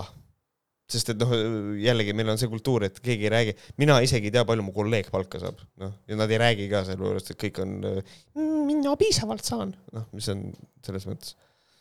et see on, mul on, mul on hästi keeruline äh, siin isegi spekuleerida, ma ei oska. Mhm. no kurat, ma ei, kurat, ka arvan, et kurat, Rammstein võiks ju saada kurat poole ikka sellest ju. Endale seal tulu ju. poole, ma arvan, et võib-olla kolmandiku. arvad ka või, tegelikult ka või? arvan küll jah, Vau, sest et piletiraha on ju selles mõttes, et ma leian, et eh, kontserdi korraldaja saab sealt suure nutsu, no. Ma ei tea, võib-olla kolmand-, ma ei, ma arvan, et kolmandiku. maksimaalselt, ma ei tea, kuidas need jagunevad, siin on äh, meil on kindlasti kuulajate hulgas inimesi, kes teavad paremini, siis võite nagu öelda. Jah. aga, palju aga, Rammstein äh, pistis taskusse? aga see on konkreetselt, ma panen jumala puusalt. sama siin, et, et panen täiega puusalt, aga ma ei usu, et nii palju, et pool. nii, siis äh,, aga see jutt, et raha eest, siis noh, raha eest loomulikult, sest et asjad maksavad raha, eriti hällid, mida me põletada. samal ajal alateadvust kodeerides. Kes see kodeeris alateadvust? Minu nagu- alateadvus ei ole kodeeritud. kas sa, sa ei tahtnud last põlema panna, kui sa koju tulid? sa ei tahtnud ma sõpra isegi ei mõelnud, et see laps on seal, kes seda helistab, ma mõtlesin, see on lihtsalt nagu mingisugune äge mingisugune asi. ei tahtnud sõpra keeta, ei olnud, et äh, Jüri, kuule, tule korra siia. ma ma tahaks keeta sind. Jüri oli mul kõrvas, kõrval. kõrvas. Jüri oli mul kõrvas. Jüri oli mu kõrval ja temal oli ka, ta oli ka täiesti nagu chill'i näoga ja meil oli nagu väga hea õht oli, väga tore oli ja vaim oli. tead, mis ma tegin peale Rammsteini kontserdit või? sa ei kujuta ette, Tiit, sa ei kujuta ette. oh-oh. ma võtsin esimest korda Bolli tõukeratta sõitsin, see oli amazing, kui õudne see oli. ma, saad aru, see oli nii õudne, saad aru, minu vanuses ei tohiks uusi asju õppida mitte selliseid, sest alguses oli niimoodi, et ma ronisin selle peale, kuidas nii, terve hunnik inimesi oli, kuidas nagu mööda ka saada sealt onju, tead küll, tuhanded inimesed mm, -hmm. kõik, kes meil taga oli, olid nüüd meie ees, vaata, kõndisid seal kodu poole. ja siis nagu Jüri, kuidas ma, kuidas ma gaasi panen, mis ma nüüd teen, see oli küll, lõpuks saime rahvast ära, siis pärast ma sain korraks kahekümne viie. hirmus oli ikka, hirmus oli, pimedas sõita tead ikka, esimene esimene sõit ongi hirmus. fucking kümme kilti sõitsime, sest meie see mingi, mingi spa, Pirita spa või whatever the fuck the koht oli, oli kümne kilomeetri kaugusel. käed olid pärast üleni valusad nagu yeah., kramplikud olid kinni yeah. nagu, See ei on, see oli väga õudne, väga õudne. ja ei saan aru, saan aru. muidugi, noh, kui mina sõitsin esimest korda, ma sõitsin vist viieteistkümnega, ma mõtlesin ka, et nii kiiresti ei tohi ju sõita, see on ju, see on ju jõhker aga see oligi jõhker. mm. -hmm. ma sain korra, sain kakskümmend viis sisse, muidu ma sõitsin ka pigem vist viieteistkümne. no aga, aga palju õnne. ja, kuule, aitäh ja kuidas sulle. sa hinnaga rahule jäid? kohutav, saad aru, me sõitsime sealt äh, Boltiga, sõitsime sinna selle, noh, taksoboltiga Mhm. läks kümme, üksteist eurot läks siis sealt Piritaselt sinna siis laululavale. ja tagasi sõites minu oma maksis seitse üheksakümmend, Jüri oma maksis seitse kaheksakümmend, mis tähendab fucking kuusteist, peaaegu seitseteist euri maksime või? Mhm. või kuusteist euri, mis iganes. et autoga oleks meil kahe, kahe, kahekesi palju nagu odavam olnud. Eh, jah, nii pika sõidu puhul kindlasti. vaat, et selles mõttes, et äh, väga kallis lõbu. aga, aga näed, aga sa, aga, aga sa said sõita ma sellega. sain sõita, selles mõttes oli ikka päris nagu ekstreemne minu puhul. vot, aga ei, tore, näed, Rammstein äh, pluss äh, said Bolti tõuksiga sõita, mida ja ilmselt selle Bolti mõtte ikkagi see sul alateadvusesse ilmselt kodeeriti ära äh,, nagu ütleb Elvis Brouer. ma ma ei tea küll, kuidas hälliga, kui ma nägin hälli liikumas, mõtlesin, kuidas ma selle Boltiga liiguksin. see on nagu Bolti tõu-, wait a minute, ma pean pärast võtma ja sõitma. täpselt, kohe peale seda, kui ma olen Jüri ära keetnud. kes on minu kõrvas. Elvis Brouwer jätkab oma kommentaari. rohepealinna promomiseks lasti õhku kõikide kodumaa romude aasta heitgaaside jagu tahma. aga ära sina ülevaatusel eksi. super paralleel, tubli. see, vot see, vot ma arvan, et see on kõige parem osa sellest. ta võrdles tegelikult see on päris, ta tõesti, kirjad Tšurana on ta kõva tegelikult. on, kirjutada oskab, ta oskab, oskab leida asju. ta küll meeldib mulle siis rohkem, kui ta videosid teeb, aga. True, kõikide kodumaa romude aasta heitgaaside jagu tahma. Holy shit, mida lauset. kindlasti mitte, seda esiteks, ma kahtlen selles sügavalt, aga. aga tulevärki oli küll, jah ei vaidle. aga siinkohal ma ei tea, võiks öelda, et kui, kui Elvis seda kuidagi paremini sõnastaks, siis siin oleks täitsa nagu no jaa, aga kas on vaja. aga ilutulestikku ei olnud, mis, mis mulle nagu imponeeris, et ta, nad ikkagi lasid küll pauku, aga nad ikkagi ehmatanud kogu loodust õhku nagu Metallica näiteks. ja, jah, just, just esisolist paiguta, paugutas oma riistakahurist kõigile valget pähe ja nii edasi ja nii edasi. esisolist on cool sõna. jah, esisolist. otsisin õssist, ei ole sellist sõna olemas on olemas solist. on olemas solist jah, et ma ei tea, kas ta mõtleb, et esisolist, et Rammsteini solist on nagu solistide, kõikide solistide seas ka nagu mingi esisolist, eks ole, aga noh, ma ei ma ei tea. ja kogu selle asja kirjeldus tekitab minus ühe küsimuse. kas Elvis oli ise ka kontserdil või? sest et kuidagi nagu jube hästi nagu selgitab kõik, mis juhtus. jah, võib-olla kui ta ostis selle pileti kaks tuhat üheksateist pidi tulema, kaks tuhat kaheksateist juba osteti piletid põhimõtteliselt, siis ta, siis ta oli ju tavaline, siis ta oli ju tavaline kriminaal. siis ta oli. siis ta oli tavaline kriminaal, kes. tavaline inimene, jah. ei, just inimene, ta oli tavaline äh, pettur, kes tegutses kihlveo äh, pättustega siis ta ei olnud veel nagu avanenud, ta ei olnud avatud või ta ei olnud silmad avanud. ja, ja. mul siukseid lauseid ei ole, oota, ta silmad ei olnud veel avanenud. jah, just. just, et äh, siis võib-olla ongi nagu, et äh, siis äh, ja nüüd tal oli pilet, ta käis ära, vaatas, türa Varrole ei meeldinud. oh vittu, mu raha on tema käes, oota. ja siis ruttu kirjutas selle kommentaari alla, võib-olla oli see. aga ristakahur oli tõesti olemas, see oli üks suur kahur nagu seal lõpupoole ja siis nagu till hüppas sinna otsa ja siis tegi veel nagu liigutust ja siis hakkas sealt valget äh, vahtu ja värki lendama. jah, just. That was fun. ja siis kõik olid yeah! aga põhimõtteliselt olidki, kõik olid selle seivi vahuga koos. see on ikka jah, see nagu äh, nii Riista kahurist äh,, aa ega rahvas oma sünnitist kritiseerida tahagi. sünnitis, meie sünnitis, Rammstein on äkki nüüd äh, meie sünnitis või? see on nüüd Eesti bänd on see on nüüd Eesti bänd. ma loll arvasin, et see on saksa bänd. jaa, ei, see on, see on Eesti. see tähendaks enda kritiseerimist, mitte õigustamist. mida see veel tähendab? miks ma peaks ennast kritiseerima? toitkem teemonit. maailm on meie peegel. mida vittu ah,? Buum, maailm on meie peegel mm. -hmm. maailm on, maailm on meie, no see on see Kris Kala. ja, ja ta on Kris Kala sõber, kuigi Kris Kala tegi väikse panni Elvise pihta ta, kui ta rääkis sellest, et äh, võitlus nagu, et ei ole vaja võidelda, vaata, siis ta ütles, et noh, mul on ka nii mõnedki sõbrad, kes võitlevad mingite asjade eest, noh, mingite õiguste, mingi tõ-tõ-tõ-tõ ja mm. no mina lugesin sealt ridade vahelt, võib-olla ta ei mõelnud seda, võib-olla ta mõtles Andero Pebret äh,. mina lugesin Elvise välja ahaa, võib-olla küll. kurat, mina leian seda, kas Elvis või siis tegelikult isegi Varro võiks ikkagi öö, oma öö, noh, kirjutada raamatu Äh, Jesper Parve võiks aidata seda välja anda, et ongi lihtsalt Varro Vooglaid ja pealkiri on Minu võitlus. ma leian, sakslastel oleks raske seda tõlkida, aga, aga ma arvan, et see oleks ikka, noh, ta võiks oma sõnad. võiks küll, see oleks tõeliselt ilus raamat ja nüüd tuleb ähm,, nüüd tuleb huvitav asi, mida Elvis ütleb. ma ei kritiseeri muusikat, küsin vaid küsimusi ja mõtlen kõva häälega, keda, mida see sinust toidab, keda, mida kasvatab, milliste nootide saatel oled sina valmis perverssusi taluma? maitse üle ei vaielda, vanusepiir on kuus pluss, elame edasi. ta ei kritiseeri eh, muusikat, ta ütles, vaid ta lihtsalt küsib küsimusi, mis on see kõige klassikalisem vandenõuteoreetik.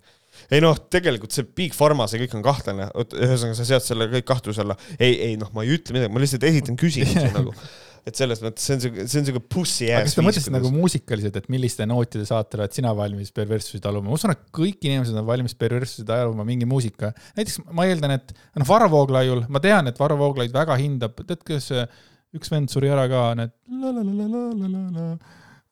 tahtsin laulu Silver üks ilma laulu, aga see on need tüübid, mingid vennad Johansonid äkki või? tema hindab väga sellist kas sellise muusika taustal oleks Varro ka nõus perverssusi taluma? ma lükkan mis... Hiiumaasid lahti, ma lükkan ta luudest lahti, see läheb nüüd ja läheme maailmasse laiali ja see, see on see. ja, ja, ja, ja. et äh, või, või kui, kui Varro oma mehe kohust täidab, siis äh, kas tal ka käib mingi muusika? siis tegelikult ta teeb ka ju tegelikult pornot. ma lükkan ju. nüüd siit selle lahti ja see tuleb ja me vabaneme kõik. räägime sellest küsimusest, et kui nagu seksuaalakti lähedalt näidatakse, siis selle nimi on porno mm. -hmm. aga kui seda kodus tehakse, siis selle nimi on lapse eostamine kuidagi ma ei tea. akt on ju sama. akt on ju täpselt sama. akt on sama. noh. aga mis asi teeb sellest porno, selle näitamine? selle näitamine teeb porno. see, see on nagu porno. see, et äh, kodus ma võin oma äh, abikaasat lüüa, aga ma kellelegi teisele ei näita, et ma löön. jah, sellepärast, et siis sellisel juhul see on äh, teiste inimeste oma pereasjadesse kaasamine. absoluutselt. just nii ehm,. siis järgmine kommentaar võtame nüüd ka. Ehm, Koit Kranig on kirjutanud täiesti teemonlik bänd, kes levitab põrguagendat. ainult vaimulikud inimesed mõistavad. selle bändi mõju on tühjaks tehtud Jeesus Kristuse nimel. kui pime juhib pimedat, langevad mõlemad auku. viimast korda Eestis. kui Lõuna-Korea kristlased palvetasid, ei tulnud nad sinna, kuna bändi liige vigastas end. jumal kuuleb ja vastab oma pühadele palvetele. kristlastel on meelevald peatada ja teha tühjaks põrguliku muusika, muusika levitamise see on, see on päris huvitav asi kas tõesti Lõuna-Korea kristlased palvetasid ja nad palvetasid, et, et Till endale viga teeks või? ei, nad palvetasid, ei, ma tulen vastu talle, palvetasid, et see kontsert ei, ei, ei tuleks. ja siis Jumal oli nagu, Till, su ees on banaanikoor. ja siis Till oli nagu, oh, Tilla ja kukkus. aga samas, et nagu kui bändi liige vigastas end, et nagu mis siis, praegu tuli ka Eestisse neli aastat hiljem, et miks, miks siis huvitav Rammstein ei läinud Lõuna-Koreasse? Või sellest ta ei räägi, Koit, et ta ikkagi läksid ikka hiljem? jah, see on, kurat, ühesõnaga, aga see, aga see, see on niisugune natukene crazy im äh, kommentaar, aga siis on, äh, võtame viimase kommentaari ka, mis on tulnud ja Margi Tohus öö, äh, on kirjutanud, ma olen Varroga nõus. mis toimub nende kodanike, sulgudes inimesteks me neid ei pea. kuuskümmend viis tuhat mitte inimest olid siis, kas me oleme, kas me olimegi need teemalikud? jah, mulle meeldib see, et ma neid, ma neid inimesteks ei pea mm, -hmm. aga sa nimetad neid kodanikeks. vaata järgi, kes, kes saavad olla Eesti Vabariigi kodanikud. sa pead olema inimene. aga mis toimub nende kodanike peakolus, et kuulata sellist jampsi, kuulake parem muusikat, mis päriselt ka tervendab. mina tahaks näidet. jah, mina tahaks. muusika tervendab? no ma arvan, et ähm,. Feng Shui. Tõnis Mägi see viimane venekeelne album. jah, midagi sellist näiteks. tegelikult on viimane, viimane kommentaar selline. Astrid Asso, armas Astrid on kirjutanud, ma ei tarbi palju meediat, ma ei tea sellest midagi. see pole normaalne, et inimesed pead loobivad ja karjuvad laval see on viimane lihtsalt nagu inimese pea loobivad seda üks terve aeg. et see on jah, et võib-olla see on nii ebareaalne lihtsalt. pead loobivad. ma saan aru, ta mõtleb, ta mõtleb nagu headbangi, aga nagu loobivad pead ja karjuvad, on kuidagi nii redutseeritud asi sellest, et see on nagu naljakas. aga see ei ole normaalne, et inimesed pead loobivad ja karjuvad see on nagu sa oled kunagi kellegagi istunud, näiteks kohvikus ja tead, tekib vaata siuke piinlik moment, et noh, vaata ei ole enam midagi öelda, pole nii kaua teise inimesega suhelnud ja siis lihtsalt ühel hetkel keegi peab midagi ütlema, siis ta ütleb, tead, ma ei tea see ei ole ikka normaalne, et inimesed pead loobivad ja karjuvad.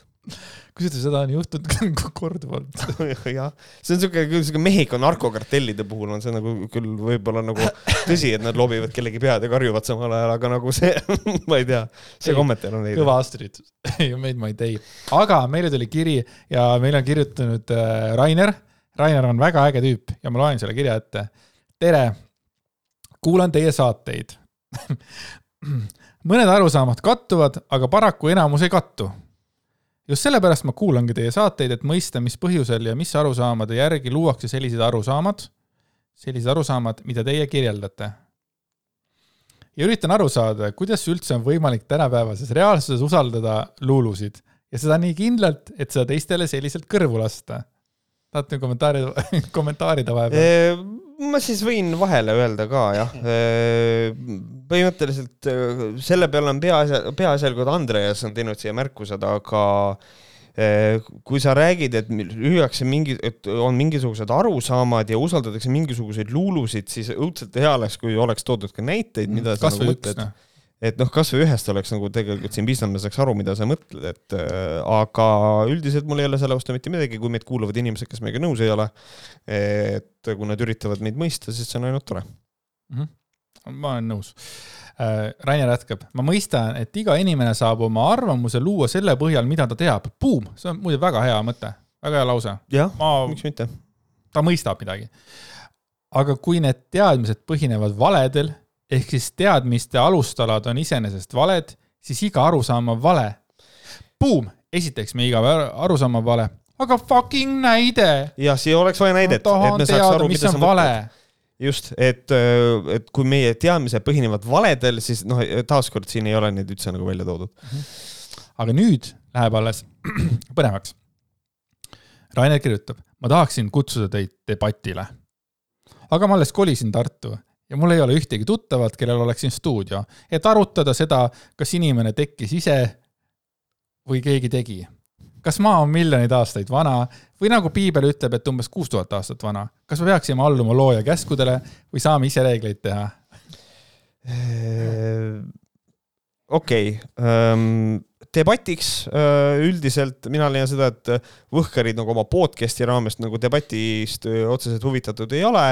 Äh, mina isiklikult leian seda, et ma, ma ma väga vabandan, ma ei ole sinu käest küsinud, et nagu mina isiklikult olen debatist selles mõttes, mina võin debatti pidada inimestega võin, võin alati proovida, ma ei tea, kuidas sinuga on, kas sa oled üldse huvitatud sellisest asjast? ma olen väga debatist huvitatud, aga see teema, mul on, ma, ma ei tea, kas on rohkem asju, millest mul on pohhui kui sellest, kui, kui vana on maa või kas me peame alluma looja käskudele või oma ise reegleid teha mm. -hmm. I don't give a flying fuck. nagu ilmselt... selles mõttes, et yeah Märt, jaa, sa võid äh, debateeri temaga võin, aitäh. no mul on lihtsalt nagu see asi, et ta ilmselt tahab nagu seda öelda, et noh, näiteks me ütleme seda, et maa on miljoneid aastaid vana, ma toon näite lihtsalt. Ja siis äh, kui me nüüd, maa on miljoneid aastaid vana, me toetume mingisugustele infodele, et noh, see on siin nii mitu miljonit aastat ja nii mitu miljonit aastat ja sellest tulenevad mingisugused teaduslikud seisukohad ka aga siis, kui tema on veendunud, et maa on kuus tuhat aastat vale, siis ta võib selle baasil öelda, et kõik see teadus on vale. ma leian, et see on nagu see, miks see tema jaoks oluline on, mis noh, mis minu jaoks on niikuinii nonsense aga, aga lähme selle kirjaga edasi praegu. aga ma ütlen veel, et mul on täiesti ükskõik, et ma ei tea, kus, kas Rainer on kuskil võstnud mingisuguse lause või see ei kõla täpselt nagu mina oleks just selle, selle teema sees, see on nagu ma ei tea, ma tunnen, et see on nagu rohkem nagu mingi sinu ala, I don't give a flying fuck päriselt ka. nüüd ta, nüüd ta nagunii saadab selle, et jah, näed, sa ütlesid seal podcast'is, et kuidas inimesed suudavad. aga mis oleks hea, siis me vähemalt teaks, millest ta räägib. siis on näide, true, siis ma võiks debateerida, kui midagi nii oleks. nii, ja Rainer jätkab, juhul kui te olete debatist huvitatud ja teil on koht, kus seda läbi viia, siis minu koht oleks see, et toetutakse üksnes teadaolevatele faktidele et ei oleks seda, et keegi arvab, et keegi mõtles, et kellelgi on hüpotees ja nii edasi. et oleks konkreetsed faktid, kas on võimalik või mitte. ja debatt näeks ette nii, et visatakse kulje kirja, kes alustab, mõlemal on umbes kümme minutit aega selgitada oma seisukoht. Nagu ma aru olen saanud, siis teie ei usu hinge olemasollu, fuck on, you. mis on huvitav, et ta ütleb, et, et, et meie ei usu, sest et ma tean, et sina usud no,. ja see ongi see, sellepärast ma nagu mina kuna ma usu. teadsin, mis siin kirjas veel tuleb, siis mul ongi tunne, et see kiri on rohkem nagu mõeldud tegelikult sulle sest mina tegelen kuradi, ma tegelen Kris Kala ja mingite asjadega, vaata, ma ei ja siis ta kirjutab edasi mm,. siis te ei usu hinge olemasolu ja peate kinni ahvist arenemist, mina mitte. seega seisukohad on minu arusaama pidi juba jagatud, seejärel umbes kümme küsimust vastaspoolele ja pärast seda oma kinnitus, lõppsõna, eks publik pärast otsustab, kummal olid paremad seisukohad. Holy shit! no selles mõttes see on suhteliselt nagu geneeriline debatt. kümme minutit iseenesest on tavaliselt, need on mingi kuus-seitse, kui ma ei eksi, aga, aga see selleks ja see kümme küsimust, ma arvan, et see võiks olla open discussion rohkem, et, et kasvõi võiks minu arust kasvõi tund aega mingil teemal nagu rääkida. Äh, aga küll aga on üks asi, kallis Rainer, mis on minu arust üsna inetu ja kole kogu selle asja juures, on see, et et sa ütled, et meie peame koha sebima sulle, et nagu see on ikka täielik nonsense, nagu lõpeta ära. et selles mõttes, et, äh, et äh, mina olen isiklikult, mina olen nõus sulle koha sebima, kui sa tahad minuga debatti pidada. ja see on minu stream, ma striimin laupäeviti ja ja kolmapäeviti kell üheksateist null null mul on Youtube'i kanal, kui sul on olemas mikrofon, sa oled nõus Discordi tulema, siis ma, mina olen nõus sinuga debatti pidama. võta minuga ühendust äh, ja ühesõnaga kirjutame, lepime kokku, teeme sinuga debati, mul ei ole selle vastu absoluutselt mitte midagi, teeme ka teema, lepime kokku. Äh, praegu ongi teema äh, noh, praegu on, noh, siis saab täpsemalt kokku leppida. aga ma lihtsalt ütleks seda ka, et tema seisukoht on see, et toetutakse üksnes teadaolevatele faktidele jah, paraku meil on maailmas teadaolevad alternatiivsed faktid, et mina võin öelda fakti ja sina võid öelda millegi, et aga see ei ole fakt, vaid see on ja ühesõnaga ma ei tea, kuidas see on. ja siis on järgmine asi on see, et ei ole niimoodi, et keegi arvab, et keegi mõtles ja kellelgi on hüpotees ja nii edasi. faktidele toetudes tehakse hüpoteese, seda esiteks. teiseks, faktidele toetudes inimesed, ka teadus võtab seisukohti, mis on tegelikult arvamused. ja mitte ainult teadlased, aga ka igasugused muud dumbfuck idioodid, kes üritavad sulle kuradi hõbeda vett müüa. et selles mõttes, et, äh, et ma ei tea, mida see tähendab. Äh, otseselt see on selline nagu suht nagu debati tapja minu arust. Äh, et oleks konkreetsed faktid, kas on võimalik või mitte. no konkreetsed faktid, ma juba ütlesin, nendega võime ka ämbrisse astuda, et sa, inimesed võivad arvata, et mingi asi on fakt, aga siis siis tegelikult see ei ole fakt, see on mingi arvamus, on ju. et see on niisugune keeruline asi, ma arvan, et debatti pidades sinuga sellesse ei tohiks kinni kindlasti jääda, et äh, mis asi on, kas see on nüüd fakt või see on arvamus, sest siis me ei jõua tegelikult mitte kuskile no muidugi see on ka tore, et on nagu ma saan aru, et kõik inimesed on erilised ja Rainer, ma nagu ei mõtle seda halvasti, see võib kõlada halvasti, onju, aga on olemas mingi suvaline Rainer ja siis on olemas võhkarid ja siis on viimane lause, eks publik pärast otsustab, kummal olid paremad seisukohad. kui meie valime fucking äh, koha, kus seda teha, meie organiseerime ja kutsume inimesed sinna kuulama, usu mind äh,, Rainer, ma võin seal niisama pikutada ka, aga just, see on ja, ja, ja see on asi, mida, mida, millesse sa pead nagu, Rainer, väga tõsiselt suhtuma, on see, sa pead aru saama, et meie praegu väga selgelt ütleme, kui meie sebime koha, siis me kutsume sinna ju eh, Võhkarite kuulajad näiteks, mis tähendab seda, et publik on kallutatud meie poole. Sorry, nagu lihtsalt see on eh, konkreetselt, see on väga tore, et sa saatsid meile pika meili, kuidas sa tahad iseennast jalga tulistada aga, aga ma ei tea, aga kui sul on endiselt soov olemas, saada mulle meil, võid otse mulle ka kirjutada, võid minuga ühendust võtta, minu kontaktandmed on olemas minu veebiaadressil martkoik.eu. jah, mina sulle enam arvatavasti ei meeldi. Vot, aga Rainer, aitäh kirja eest, väga tore. Mm,. aga nüüd on aeg teha vist esimene. Mm -hmm täiesti esimest korda Võhkrite ajaloos. proovime päriselt järgi mm. -hmm. siinsamas laivis proovime vett programmeerida minu, see ei ole minu idee. ma ütlesin Andresele, see võib olla ohtlik, see on nagu don't try this at home mm. -hmm aga Andres ütles, aga sa ei olegi kodus, mina olen enda kodus rääkis midagi põhiseadusest, see selleks. ja nüüd me oleme siin. mul oli taskus lahti parasjagu põhiseadus. sul oli ja ühesõnaga ja siis äh, keegi, kelle nimi on Urve Birkvavs, Birkvavs, Birkwaves Äh, jagab siis, äh, ma ei loe nii, nagu sa kirjutasid, jagab Facebookis infot vee programmeerimise ja aktiveerimise kohta. -hmm. et siis, kuidas veed aktiveerida ja programmeerida. nii mm,. kas ma hakkan sulle lihtsalt ette lugema, mis tegema pead? mina teen nagu sina, nagu sina ütled. võtke ilma mustrita klaas ja täitke see äh, üks kolmandik puhta veega selle, kas sellel klaasil on muster või ei ole? ei ole no ütleme, no ütleme, et see ei ole muster, sest see on umbes üks kolmandik, puhta veega mm. -hmm. asetage klaas vett oma vasaku käe peopesale ja vaadake sinna sisse. nüüd siin ei ole täpsustatud, kas sa pead vaatama nagu otse vett või sa võid ka läbi klaasi vaadata, ma nüüd ei tea. aga ja nüüd tuleb kõige tähtsam osa, järgmine lause, ära pööra pilku ära, kui programmeerid vett. nüüd sa pead vahtima seda vett kogu aeg, terve selle asja. tuleb siis öelda, mida ma tegema pean. ja mina hakkan ütlema, nii. hakka mõistuse jõul energiat vette üle kandma. ütle mõttes või valjusti järgmisi sõnu, mõttevorme. nii, kas sa tahad äkki minu järgi öelda? Mhm. nii. käivitan, käivitan programmi. Ma teen nagu see äh, Laura algolemus. ära vaata mind, vaata vett. okei, kusjuures lihtsalt ütlen, need, kes ei vaata videot, teil on jumala igav praegu, aga sorry, nii. käivitan programmi, et neutraliseerida kõik selles vees leiduvad kahjulikud energiamustrid. käivitan programmi, et, neutraliseerida et neutraliseerida kõik selles vees leiduvad kõik selles veel leiduvad energiamustrid. energiamustrid. ma jätsin ütlemata kahjulikud see on fine. sellest veest neutraliseeritakse sellest veest neutraliseeritakse kõik patogeenid, bakterid, algloomad kõik patogeenid, bakterid, algloomad ja muud parasiidid. ja muud parasiidid. programmeerin vee tervendavaks veeks. programmeerin vee tervendavaks veeks. veel on jõudu, energiat, iga mu keharakk on terve. veel on jõudu ja energiat, iga keharakk on terve. lihtsalt, lihtsalt vahele, noh, iga mu keharakk on terve. nii. Ja nüüd lülita sisse oma kujutlusvõime ja mõtle, mõelge sõnades vette info, mis on teile kõige sobivam. tutorial'it, et kuidas sa mõtled midagi sõnades vette, no idea what that is, aga näiteks, et programmeerin Mhm. selle vee puhastama kõiki mu keha ma pean veresooni mõtlema seda ja sa pead mõtlema seda, mm. kas nägemise taastamiseks, südame tervise taastamiseks, potentsi taastamiseks.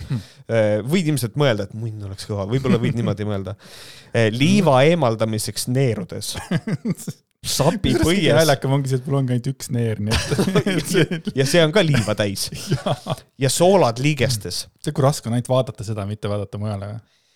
kasvajate fibroidide tsüstide äh, resorptsiooniks, mis tähendab siis, et sa imad neid endasse. hamba või peavalu ja nii edasi eemaldamiseks Mm -hmm. Ja nüüd on see koht, kus sa pead vett tänama lugupidavalt. näiteks ütled veele, ma armastan sind, ma tänan. ma armastan sind, ma tänan. see klaas saab rohkem action'it kui lemme. ja kas võin jooma hakata või? Eh, ei oota, Jesus Christ ja, ja lihtsalt ütle seda nüüd mit, nagu mitte terve mõistusega, ütle seda nagu hinge ja südamega. kuidas see oli, ma armastan vaata Ma- vett, ma armastan sind, ma armastan sind, ma tänan. ma tänan. Ja joo nüüd kohe seda vett ja, ja taasta oma tervis. nii, nüüd me tegime siis Võhkarite esimese, kus Andres programmeeris vee ära, küll mina aitasin, see oli põhimõtteliselt nagu, see oli, see on meie tasuta eluülikooli kursus. Holy shit. tere, ma näen. ma mõtlesin, kuseda. ma Hakkas näen jälle. Ja siis on, ja siis on alla veel lisatud addendum on nagu tea, teave kardioloogilt. muutke oma vee tarbimise aega, see on väga oluline. Teatud aegadel vee joomine suurendab selle efektiivsust kehas. kaks klaasi vett peale ärkamist soodustab siseorganite aktiveerumist. Mhm. üks klaas vett kolmkümmend minutit enne sööki soodustab seedimist. üks klaas vett enne sauna, enne sauna või vannis käiku aitab alandada vererõhku okei, ja üks klaas vett enne magama minekut aitab vältida insulti või infarkti.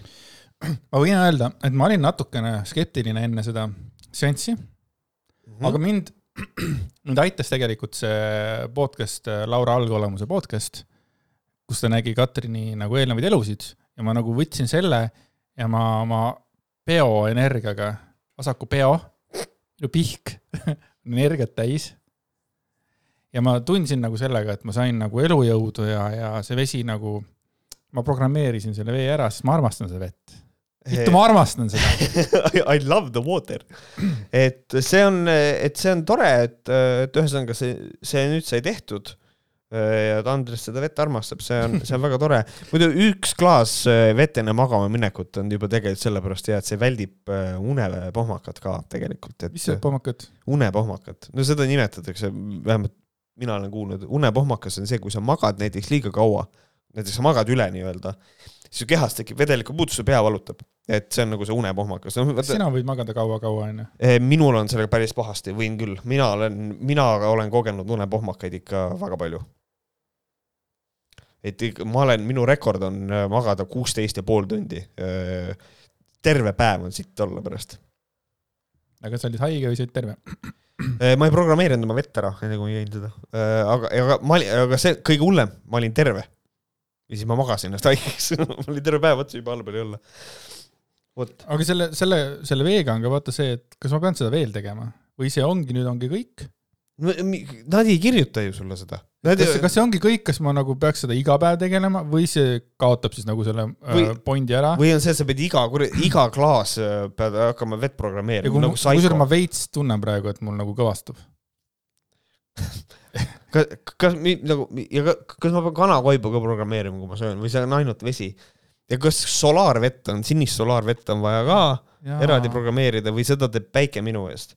kas True. seda vett võib ka keegi teine programmeerida, kas ma võin seda tööd delegeerida? kas seda võib teha ka läbi unes, läbi une nagu Reikit no.? kui sa kirjutad alla nime, vaata, kellele sa tahad seda? jah, kas ma saan poest osta juba programmeeritud, et kõik on olulised küsimused, palun leidke nendele vastused, aga. igatahes aitäh, äh, kohe ma ütlen, kes see armas nimi oli, aitäh, Urve Pirkavs. Äh, ma olen nüüd programmeeritud veega just, ja, ja kõik teised äh, IT inimesed, kes on nagu õppinud erinevaid programmeerimiskeeli, siin on veel üks, mida te saate õppida, see on palju lihtsam. kusjuures, kas ma nüüd olen nagu äh, Tõnu Maalasteks mingi programmeeritud ahv või? Ma arvan küll, ma, nüüd, nüüd sa oled nagu lost cause, nüüd on nagu see, et ah, see programmeeris ma veega ära. sina oled jube tark inimene, onju, no sa tead seda. sul on äh, abikaasa on õpetaja, onju. noh, et äh, mis mõtte, mida mõtlevad tõnumaalased sellega, et meid on pro-, programmeeritud, programmeeritud koolides mingiteks äh, nagu asjadeks, et ma kohe toon kohe kiired näited nagu, et, et noh, see, et meil on vaja noh, tunda matemaatikat, et elus hakkama saada mm -hmm. ja, ja füüsikalisi seadusi ja keemilisi mingisuguseid asju, on hea, kui me oskame lugeda, kirjutada, on ju, noh, see küll aja jooksul kaob, aga äh, ja oleme natuke laiendame silmaringi ja tunneme ära linnukesi, tihasetirtsu, eh, rohutirtsu ja mm -hmm. mis iganes asju me ära tunneme, oskame näidata kaardi peal, kus asub USA, onju. Kodu, kodulugus õppisin ka mingeid asju, neljas klass vist kodulugu oli, kui ma ei eksi, mul veel oli. kehalises kasvatuses nagu anti mingisugust eh, väikest füüsilist koormust, onju mm. -hmm ja kunstis, eh, kes nagu rohkem, kes vähem sai, on ju, seda, kes oskas seda vastu võtta, nagu seda vee programmeerimist mis, mis see programmeerimine tähendab? see programmeerimine tähendab minu arvates seda, et et me elame nii-öelda, noh, see on see, noh, see on see vandenõuteooria, et me elame tegelikult mingis suures süsteemses vales ja koolid äh, õpetavad seda valedele üles ehitatud süsteemi kui tõde ja siis ähm,. toon näide, mis asi see on üles ehitatud vale siis nagu? no, no põhimõtteliselt. kas nagu komade kõik, kasutamine on ka vale või? Äh, ma, ma ei tea, mina pean, minu jaoks peamine asi on ühiskonnaõpetus ilmselt, ma kujutan ette arvates et noh, et meid õpetatakse tublideks kodanikeks, kes ei kahtle selles, et noh, õpetatakse seda, et usud teadusse, usaldad teadust, onju. Äh, sa ei küsi, et kes äh, uuringuid läbi viib, sa ei küsi, kus see raha liigub.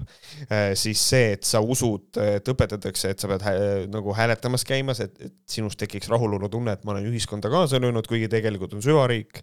ma arvan, et see kõik on see, ma arvan, et nad mõtlevad selle nagu programmeerimise. see on ju tühine osa ühiskonnaõpetus nagu nagu ajaliselt selle kaheteist kooliaasta jooksul on ju mm -hmm. olematu ju. no jaa, aga ma arvan seda, et, et nemad võtavad selle seisukoha, et matemaatika esimesest klassist peale nad õpetavad sulle ühte süsteemi ja siis nad sinna sisse nagu panevad äh, kogu selle, et, et sa õpiks nagu teadust usaldama, aga sa ei esita kunagi küsimusi. ma arvan, et see on midagi sellist wow.. Mm -hmm. nagu nad on selle asja ikka läbi mõelnud sina ka vist oled läbi mõelnud või sa praegu nagu tulid selle peale nagu käigu pealt või? sa oled sellele mõelnud varem? ei noh, ma ei ole selle peale otseselt pikemalt mõelnud, aga ma saan sellest niimoodi aru, kui, kui mu käest küsitakse, et mida see nagu programmeerimine nende jaoks tähendab. ma tahaks teada nagu huvitav, mida Tõnumaal on ise vastab. see, et sina nagu oskad mulle anda intelligent, intelligentse vastuse ja okei okay,, cool. no ma saan sinu loogikale pihta, aga mida tõnumaalane ise mõtleb sellega? jaa, see on see on, see on hea. kui tuleks tema mulle selle ühiskonnaõpetuse jutuga, siis ma ütleks talle, ma otsiks üles oma vanad äh, tunniplaanid otsiksin välja, kui tegelikult protsentuaalselt, kui palju ühiskonnaõpetust on, et siis mm -hmm. nagu mhm. see on siis see teie suur nagu ülevõtmise, programmeerimise protsess on siis ühiskonnaõpetus või? Fuck you. jah, see oleks fair point selles mõttes, aga ma arvan, et see on noh, midagi sinna nagu ma ütlesin. kuigi mind programmeeriti küll ühiskonnaõpetuses ühe kindla erakonna vastu, ma mäletan väga hästi et äh, räägiti Keskerakonnast ja tol hetkel veel Savi Pets oli selle ees ja siis räägiti küll, kuidas Keskerakond pakub kõigile kõike ja, ja tegelikult, et ma mäletan küll seda, et nagu minu ühiskonnaõpetaja oli nagu hästi tugevasti Keskerakonna vastu, mis noh, ta oli nagu läbi närinud selle Keskerakonna tolle aja nagu poliitika mm, -hmm. vaata. et selles ilmselt mõt... oli juttu populismist, ma eeldan. just. tol ajal jah, sest et see on üks asi, mis mul meelde jäi küll nagu, mis, mis, mis, mis mind juba nagu eelhäälestas Keskerakonna nagu vastu äkki juba, ma ei tea, vastu ei ole õige sõna, mitte eriti fännama nojah, ja, ja tuleb tunnistada, et noh, vähemalt praegu nii palju, kui ma sinu jutust aru sain, siis nüüd, kui sa Keskerakonna käitumist vaatad, siis vist õpetajal oli natukene õigus ka. ei, muidugi tal oli õigus et.... eriti, eriti oli see täna Savisaare ajal mm. -hmm, muidugi, jah. nii, aga nüüd on juhtunud selline asi, et äh, Andreas on võtnud ühe Malle Pärna kolumni jälle, on aeg jälle natukene Pärna saagida, küll aga natukene teistmoodi nimelt on Andreas äh, tugevalt lühendanud, ta on võtnud siit äh, nagu tugevalt lühendanud. no mingi üheksakümmend protsenti viskasin välja siit. Ehm, ja ta on alles jätnud siia nagu mõtteavaldused, mis on, mina lugesin suu kõrvuni ja lihtsalt äh, minu kommentaar oli esimese lõigu kohta, mis käib tegelikult terve teksti kohta. tras ei ole reaalne ähm,. loen selle ette ja kuulake, mida Malle Pärn kirjutab ja siis mõelge sügavalt nagu selle peale, kuidas on võimalik, et inimesel kodus ei ole absoluutselt mitte ühtegi peeglit. nii sagedasti mõistavad inimesed hukka mingi teise inimese käitumise või tegevuse märkamata, et nad teevad sellega ise just täpselt seda, mida nad justkui teise juures hukka mõistavad. täitsa perses mm. -hmm. sisuliselt teevad nad just nagu enesekriitikat mille suunavad aga hoopis valele objektile, kleebivad silte ja maalivad plakateid, mis väga täpselt mõistavad hukka nende enda tegevust. see ei ole reaalne ju. see ei ole, see, see ei ole reaalne. näiteks ütleb ateist usklikule, ära tee usupropagandat, aga lisab, et tema ei usu Jumalat, sest mõtleb oma peaga. tema usub ainult endasse ja teadusse, teadusse, teadusesse ja lisab veel, et usklikud on napakad, kes usuvad muinasjutte ning et usk toodi meile tule ja mõõgaga. sellega ta teeb ju oma usu propagandat, kõige naljakam on see, huvitav, kas ta ise sai aru, et ta sellest ateistist konkreetselt maalis plakati. järgmise lõiguga. keskmine ateist, mina sealhulgas, on see, kes ütleb, et sa oled usklik. selge. usk on sinu ja sinu jumala vaheline asi. Have fun. kõik sellega ta teeb ju oma usupropagandat miks seda tohib teha, aga ristiusust rääkida ei tohi? ta keelab teistele oma usust rääkimise, aga ise räägib enda omast küll ja kuulutab selle ainuõigeks. usklikud olgu vait, sest nemad on lollid.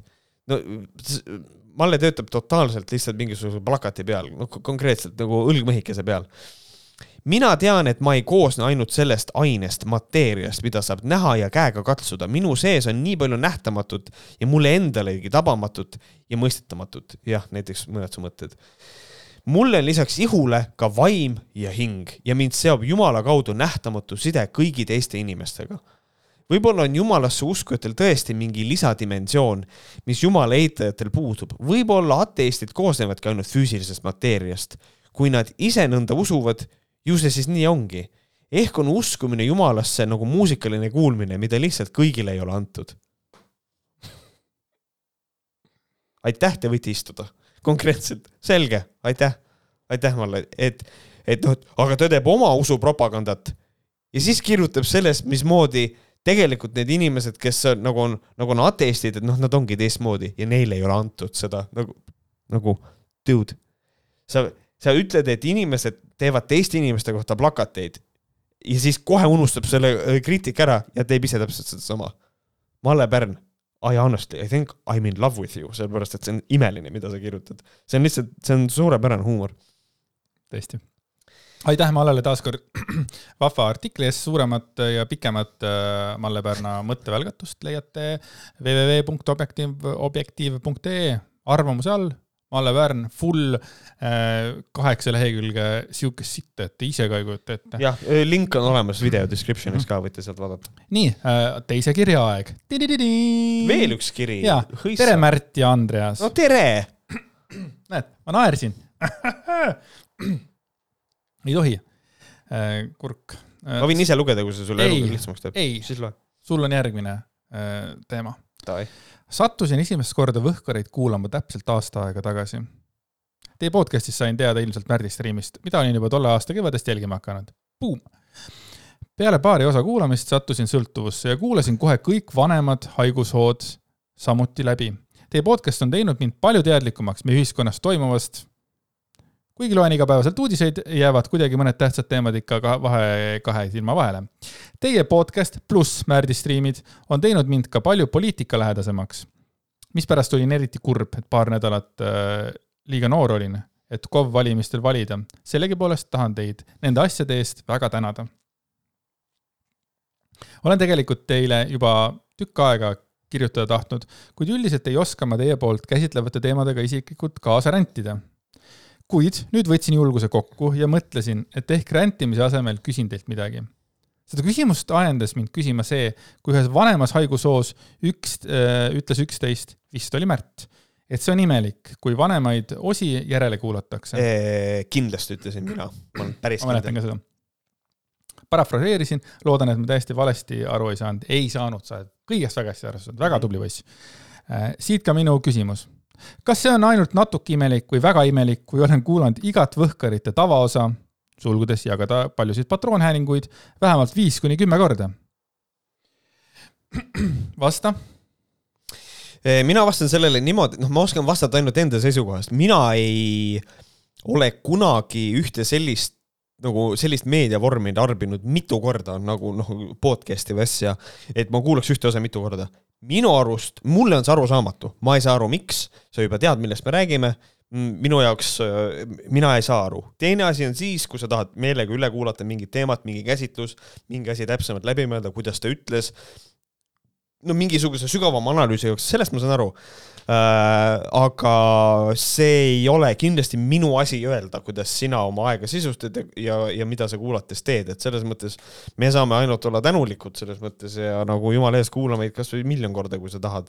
et äh, mina isiklikult ei saa aru, aga ka mina tarbin meediat natuke teistmoodi ilmselt ma tegin Twitterisse siin mõned tunnid tagasi äh, kiire küsimuse sellesama kirja peale, küsisin, et. ma tahtsin, ma tahtsin tulemusi näha, aga ma ei tahtnud hääletada ühegi asja poolt, see poleks õige. et Võhkarite saadet kuulan ja siis mul olid variandid üks kord, mitu korda, mõnda saadet mitu korda ja neljas variant siis, kui pealkiri kõnetab. neljanda koha sai viie protsendiga, siis kui pealkiri kõnetab mm. -hmm. kolmas koht, kaheksa protsenti, mitu korda see tegelikult on üsna väikene osa, kes inimesi, aga siiski on, kes kuulavad mitu korda mm. -hmm. teise koha sai kahekümne kolme protsendiga mõnda saadet äh, mitu korda ja kuuskümmend neli protsenti kuulab meie äh, saateid nendest num-, numbrilistest hääletajatest, kuuskümmend neli protsenti siis üks palju kord. sul hääletajaid oli? kuuskümmend üks hääletajat. kuuskümmend üks, okei okay.. see on selline äh, number siis. okei okay.. et äh, aga see, mõttes... see on nagu mulle arusaadavam, et, et ongi, et noh, mõnda saadet kuulad. Äh, et see on mulle, sellest ma saan aru, jah ähm,. jah, sinu, sinu, sinu loogika selle kohta, et, et see, et on mõni, mõni teema, mida saaks uuesti üle kuulata, võib-olla nagu ma ei tea, milleks, et nagu, et paremini aru saada või mm -hmm, mis iganes mm. -hmm. mina arvan ka see, et äh, need äh, mingisugused fucking naljakad asjad, mis toimuvad mõnikord et, et ma olen aru saanud, et neid, neid osasid kuulatakse ka üle, kus me oleme lihtsalt kõhuli maas ja lihtsalt naerame ja siis äh, meil on varemgi öeldud, vaata, seda. ja, ja. Äh, võite küsida ehk miks, aga näed, nüüd tuleb tegelik vastus. sellele ma ise ka vastust ei leia, kuid osaliselt on selles süüdi see, et eelmise suve lõpus käisin esimest korda nii-öelda päris tööl ja seal muudkui aina teid kuulasin ja kui kuulamata osad otsa said, hakkasin kuulatuid osi aina uuesti ja uuesti kuulama tahaks teada ka teistelt kuulajatelt, et kas on veel selliste huvitava kuulamisviisiga kuulajaid? jaa, võite kirjutada kommentaaridesse, see on tegelikult väga hea küsimus, et, äh, et kas teie kuulate ka mitu korda ja näiteks miks, mis see põhjus on, äh, kirjutage alla kommentaaridesse, muidugi selline see lühike kiri siis saigi, loodan, et kirjaehitus oli loogiline või vähemalt loogilisem kui Malle Pärna kirjutised ja väga palju kirju, kirjavigu ei tulnud. väga hästi oli kirjutatud Äh, palju jõudu ja jaksu Võhkarite tegemisel, jätkake samas vaimus, pisike fänn Tallinnast. oota, mulle meeldis üks Youtube'i kommentaar, äh, see oli juba mõnda aega tagasi, panin selle endale, märkisin see ülesse, see oli äh, kirjutatud siis, kui me mm, ühte Margit Korbe artiklit mm -hmm. võtsime, sinna oli kirjutatud, Kärt kirjutas, kuskil peaks disclaimer olema, et Margit Korge sektsiooni, Korbe sektsiooni ajal ei tasu oma vastsündinut imetada. ma naersin nii palju, et see vaene laps on täitsa läbi raputatud. See... Don't shake the baby. aga mul kohe hakkas nagu jooksma nagu pilt nagu ka, et. vot nii, ja meie järgmine äh, teema viib meid äh, Facebooki gruppi, kus räägitakse ko koroonavaktsiinide kõrvalmõjudest. ja siis äh, Krist T postitas. hei, kellegi veel on nii, et vaksitud lähedased, eriti õelalt, on käituma hakanud? see on, see on äge, see on vahva, et leitakse ka sellega nagu. jah joon. et ja, aga nagu eriti see, et nagu kellelgi on tead noh, lihtsalt noh, lähedane ja lihtsalt noh, tead sitt tuju on, tööl on raske, tuled, tuled koju ja siis teine arvab, et see on vaktsiini, vaktsiinist. vaata, see on niimoodi, kui vanasti, vanasti, siin noh, hiljuti keegi suri ära, siis oli alla võetud kommentaar, kas on vaksitud, onju. Mhm. ja siis, kui keegi käitub nõmedalt sinuga ja siis sa küsid esimese asjana, kas sa oled vaksitud? jah, lähed äh,, lähed, saad uue naisega kokku, mõtled, et let's do, let's do some diddly-widdly. ja, ja, ja siis mõtled, kas sa oled vaksitud? et see on. ei, naine peab, naine peab kõige ütlema, et ei, ma ei taha diddly-widdly teha. kas sa oled vaksitud? sa oled vaktsineeritud. ja just. nii, ja siin võime mõelda ja naerda, et noh, kuradi asi see on. ja siis hakkavad tulema kommentaarid alla. Said kätte või? ei, ma olin lihtsalt õnnelik, et said kommentaare lugema. Heili Tammaru kirjutab kasvataja lasteaias on õelamalt käituma hakanud. kaheksa kolmkümmend on söömine ja jõudsime kaheksa kolmkümmend kolm ning kasvataja teatas, et enam ei saa laps süüa. ja selliseid kummalisi asju veel juhtunud. eks vaksid teevad oma töö. esiteks, võib-olla sa jõuad õigeks ajaks kohale ja teiseks, kui kasvataja päriselt otsustas, et nüüd laps ei saa süüa, siis nagu fuck that person. aga sellega ilusasti tuua, tuua see sisse, et vaksid teevad oma töö ebareaalne nagu. võib-olla lihtsalt nagu jäid hiljaks ajastada erakordselt närvi, et see ei ole no,, miks see vaktsiiniga seotud on, ei tea. lihtsalt üks kasvataja oli tige, järelikult on vaktsineeritud. Heili Tammaru, sa oled ikka sõge. Ja siis tuleb Eesti suurimast suguvõsast pärit Gert perekonnanimi on tal Olen, Gert Olen äh, kirjutab sellise kommentaari ei ütleks, et lähedased õelaks muutunud on, aga vaadates seda valitsust, kes kõik süstal käsivarres poseerinud ja mis oma rahvaga praegu tehakse, siis lähedaste poolt väike meeleolulangus on tühine. kõik on väsinud sellest jamast. oravad on selles sõltuvuses juba ja iga doosiga aina kurjemaks oma rahva suhtes lähevad. see on fakt need on mu lemmikinimesed, kes kirjutavad, äh, et kas see on fakt või et ja lihtsalt nii ongi. Äh, need on lihtsalt mu lemmikinimesed, need on lihtsalt nagu come on over and blow my dick kohe. et äh, keegi kirjutas mulle kunagi Youtube'i, see oli ka noh, vana hea mingisugune homo küsimus või mingisugune see asi oli ja siis keegi kirjutas ja, ja ära hakka mulle rääkima, et, et inimesed võivad teha, mida, mida nad tahavad. see on rõve ja see lihtsalt nii on. okei okay,, no ma ei et nagu kas, kas, kas tõepoolest inimese eesmärk öö, on öö, vaigistada teine inimene, et ära hakka vastu vaidlema, see lihtsalt on nii. ja siis nagu see on see, kuidas sa võidad debati või, okei okay,, lahe. ma tahaks ka niimoodi teha. ja ära hakka mulle üldse vastu vaidlema, raisk. see on, see on nagu naljakas, aga aitäh, Gert Olen, tervita suguvõsa. Heili Hints vastab Gert Olenile. see, mis valitsuses toimub, on süsteemi kokkukukutamine, sama üle maailma pidage vastu. me näeme ühe ajastu surma. hoidke ennast tema lähedasi, asi läheb veel jaburamaks. aitäh, Heili aitas oma kommentaariga sellega kaasa, läks küll jaburamaks, jah? jah, aga ma oleks tahtnud ka, kui tuua nagu Rainer tagasi siia meie mängu, ma oleks ka nagu Heili poolt soovinud sama, mis nagu Raineri poolt, et anna mingi näide et kuidas nagu see, mis valitsuses toimub, on süsteemi kokkukukutamine. see Great Reset. kuida-, ei, ei, ei, ei, aga okei okay,, I get Great Reset, aga kuidas mm? -hmm. mis toimub, tähendab, esiteks, mis toimub siis praegu valitsuses? kuidas see on süsteemi kokkukukutamine? võttes arvesse, meil on uus valitsus. jah, ja üldse, et seesama üle maailma ja ühe ajastu surma ja Silja. ja siis lõpuvad visata hoidke ennast ja oma lähedasi, miks sa sellest üldse räägid siia? räägiti seda, et vaksitud inimesed on muutunud õelaks. jah, et no või, või äkki, äkki nad veel saavad vaksi välja imeda. aga äkki Heili Hints on äh, see motivatsioonikoolitaja, need viskavad lõppu mingisuguseid, hoidke ennast oma lähedasi ja olge tugevad ja jah, vaadake. ahoi rahvas. hei, Silja Veronika Nisu ütleb, vaksitutel kaob auraväli mingi hetk, kuna öö, peale süsti läheb esimesena kinni kroontšakra ja juurtšakra.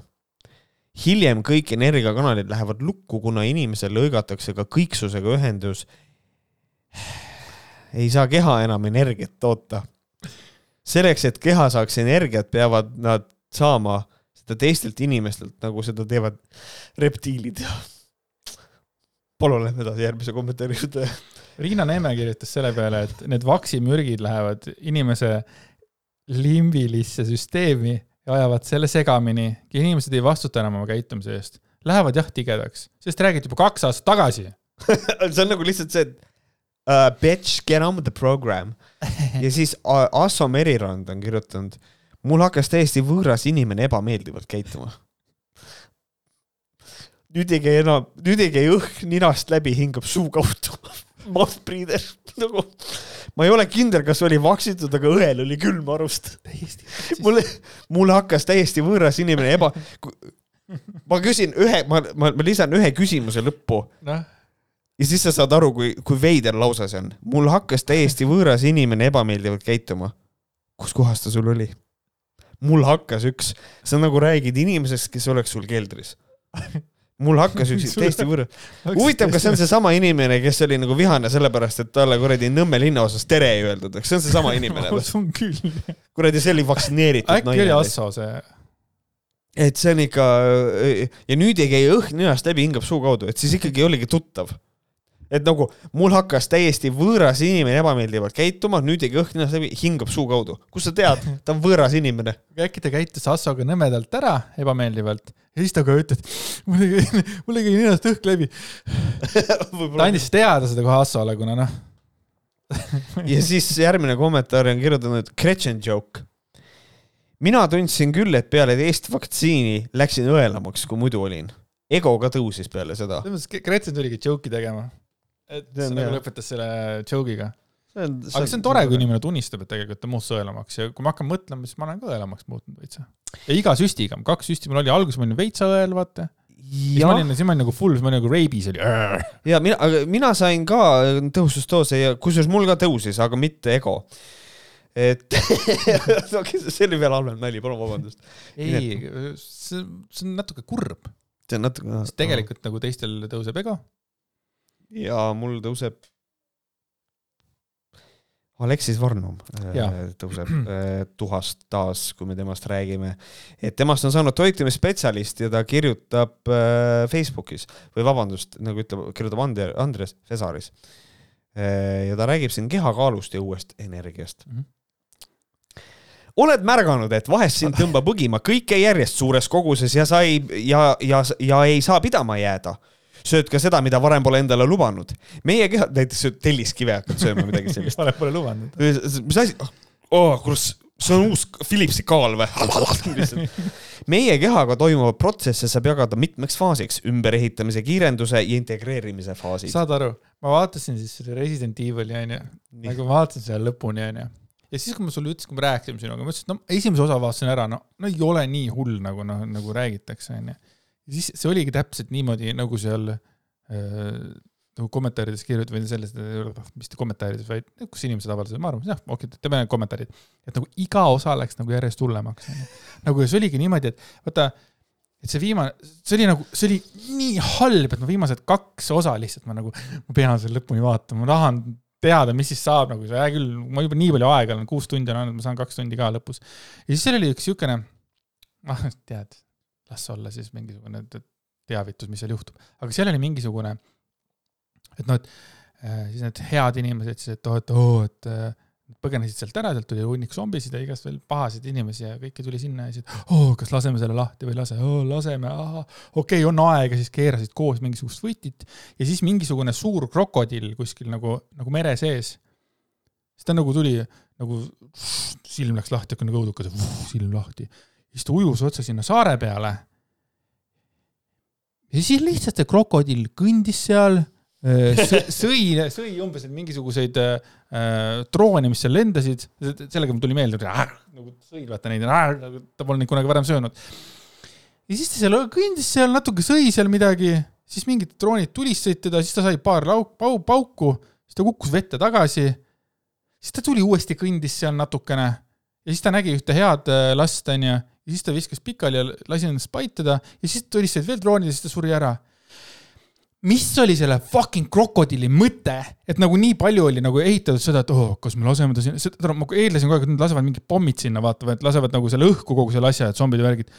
et nagu mingisugune, mingi, mis asi see oli? ja saad aru, ja see ei olnud nagu sellest kõige rumalam asi, seal oli veel mingi fucking, see oli ebareaalne, milline sitt see oli. mis mul, mis selle krokodilli point oli? mulle meeldib see, et see oli sul nagu sees kinni. see oli nagu see asi, mis oli sul sees kinni ja selle jaoks oli vaja Alexis Varnumit nagu, jaa et see on, see on tase, aga tõesti, ta ma sõi lihtsalt ja ta lihtsalt tulistas surnuks, ta ei olnud isegi nagu hirmuäratav. kas, kas me lähme Alexisega edasi? jaa, hea küll. Ma ei ole näinud, ma ei tea, millest sa räägid, aga, aga, aga ma tead, panin Movie Database'i, ma panin ikkagi Resident Evil'i, ma panin kolme, aga ma panin kolme sellepärast, et ta ikkagi natuke alguses ta nagu tundus nagu natukene huvitav ja ma ikkagi ei olnud nõus nagu teda poole peal alguses oli lõpetama. natuke kõdi.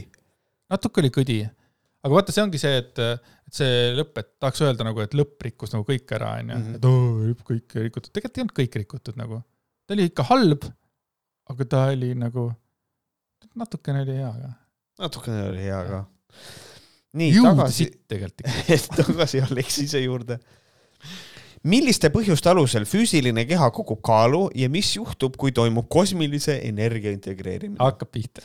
uue energia mõju all ümberehituse faasil sinu kehas hakkavad muutused.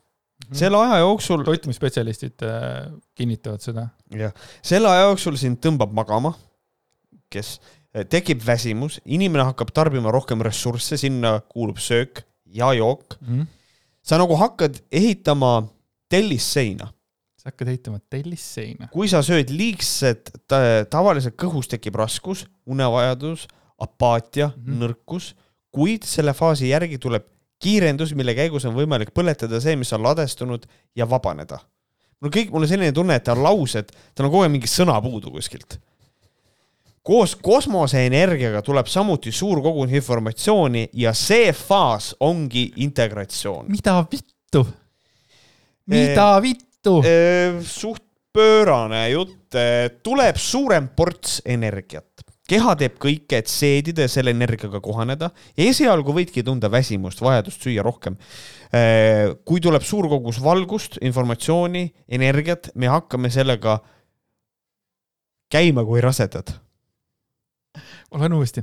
kui tuleb suur kogus valgust, informatsiooni, energiat, me hakkame sellega käima kui rasendad. mida vittu? aga, aga ta kohe selgitab. kas ma olen ainus inimene, tal on mingid sõnad lausetes puudu? ei ole. see on otse võetud sealt, tal ei ole midagi puudu. see on kosmosest otse võetud, see tekst mul jätka palun, see läheb paremaks. niikaua, kui me seda endasse ei integreeri, oleme selles protsessis ja, ja mida kauem me osutame sellele vastupanu, seda rohkem see protsess kasvab. kuidas saab tegevus, mingi asja tegevus kasvada, ma ei, hea küll. sa võid märgata, et on periood, kus sa magad. kus sa mag-, nii on öö.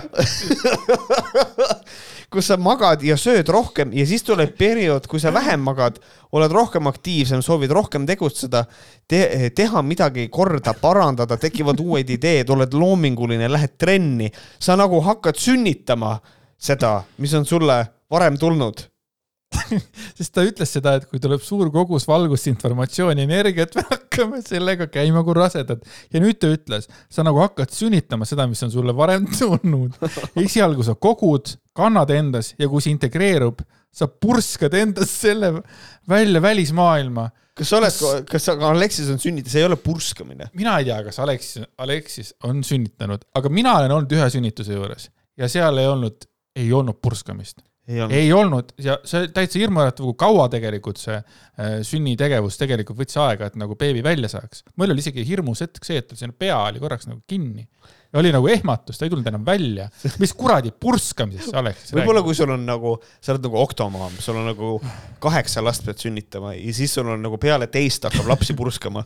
niimoodi, ma ei kujuta ette. aga see on ikkagi päris, päris õudne. algab füüsilise aktiivsuse ideede realiseerimise aeg. Kuidas kaalu langetada, see on juba teine teema. ja iga inimene ise leiab endale võimaluse, ma vaid kirjeldan protsesse, et teaksid, miks nii toimub. saad, aga saad aru, see, see tekst, see, kuidas nagu ta reklaamis ennast, on see, et miks me nagu rohkem sööme umbes, mida sellega peale hakata. ja nüüd ta ütleb selle, kuidas kaalu langetada, see on juba teine teema, iga inimene ise leiab võimaluse ja vahepeal räägib mingit kosmosest ja kuidas mingeid, ta vittu. Teine põhjus kaalu juurdevõtmises on see, kui sa ei tegutse ehk kui sa ei võta kasutusele uut informatsiooni no.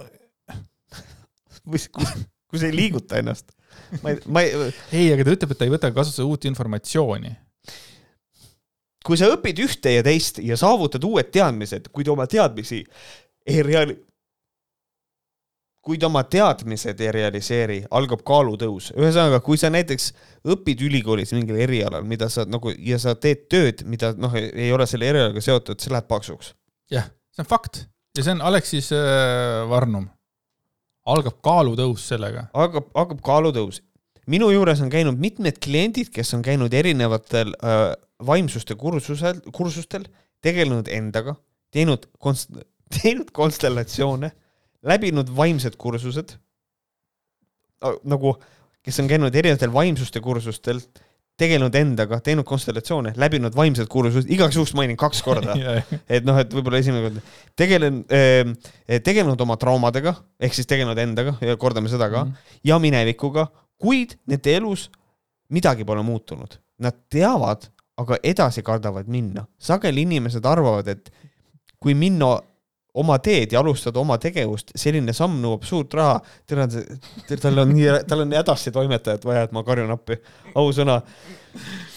kuid see pole nii, võtta kasutusele informatsiooni, mida oled saanud ja liig-, ja liigu edasi, võtta kasutuse, võta, mitte võtta, türarraa küll, võtta, võta kasutusele informatsiooni, mida oled saanud ja liigu edasi, ära muutu käivaks entsüklopeediaks. nagu saad aru või?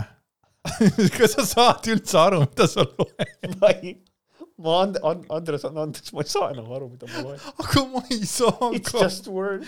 see ei ole nagu reaalne. ja siis mingi vend, saad aru, mingi vaene inimene ostab Aleksis Varnumi raamatu, üritab läbi hakseldada sellest, sellepärast et tema kuradi kirjaoskus on nagu viib, nagu loeks Freudi raisk. ja siis loed, mitte munnigi aru ei saa ja siis kõik küsivad, on hea raamat või? ja siis on nagu, sa ei saa öelda, et sorry, ma ei saanud aru. sa tahad olla ka vaimus, jaa, jube põnev oli. aga Aleksis Varnumiga me esimest korda saime tuttavaks, siis kui ta mingi alkeemias mingisugust naistevastast mingisugust sitta ajas. jaa, oli küll. aga ma ei mäleta enam, mis seal oli, aga see oli väga naljakas. kordades naljakam, mis see sitt, kuhu ta praegu on kukkunud. nii, mine veel natukene veel minna veel. kuhu me nüüd? samas kaal kasvab. samas kaal kasvab, kui sa ots-, kui sa osutad vastupanu uuele energiale ja tuleb leida see, millele osutad vastupanu, millega võitled. saad aru või? sihuke lause Püü-, ei püüa jälle aru saada, aga, Eh, aga sellepärast, sellepärast Kris ei võitlegi enam või? sest võitlus toob ainult võitlust ja sellepärast ta ongi kõhna või? jah, ilmselt küll.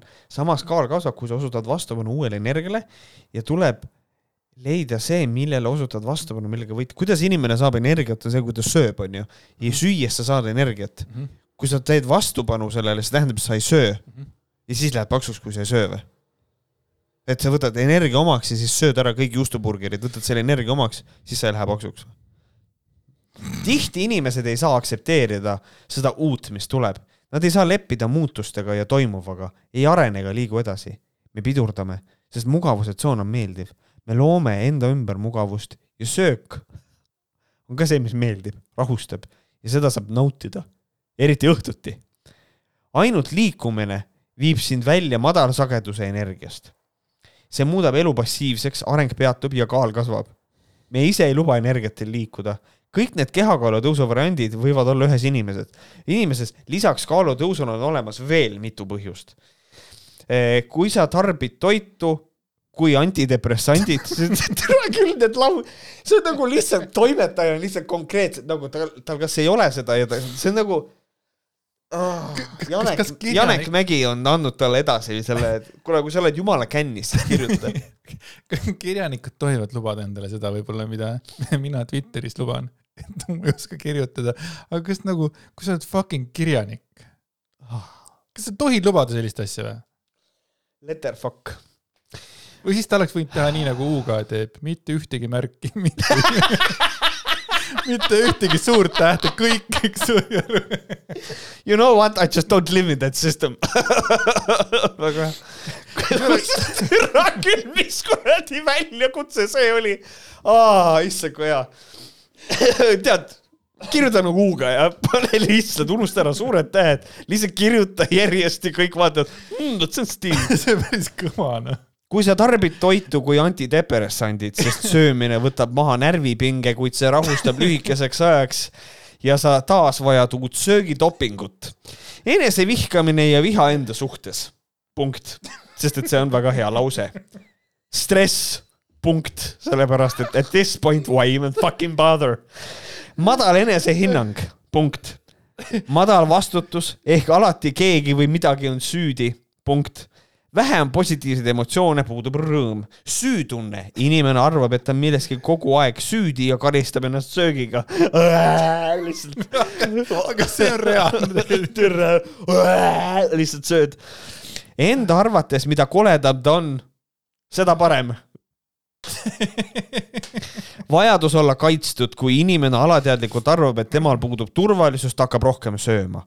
külmkapp, külmkapi poole lükkab armastuse puudus. kehakaal võib kasvada, kui inimene tunneb, et ta on tähtis. näiteks ülemused või muud riigi tühikametnikud. üks sõna, riigiametnikud on üks sõna. tihti elavad liigse kehakaaluga ja eriti Kaja Kallas. Holy fuck, kehakaal on ikka oi-oi-oi, et see on ikka täitsa putsis oh..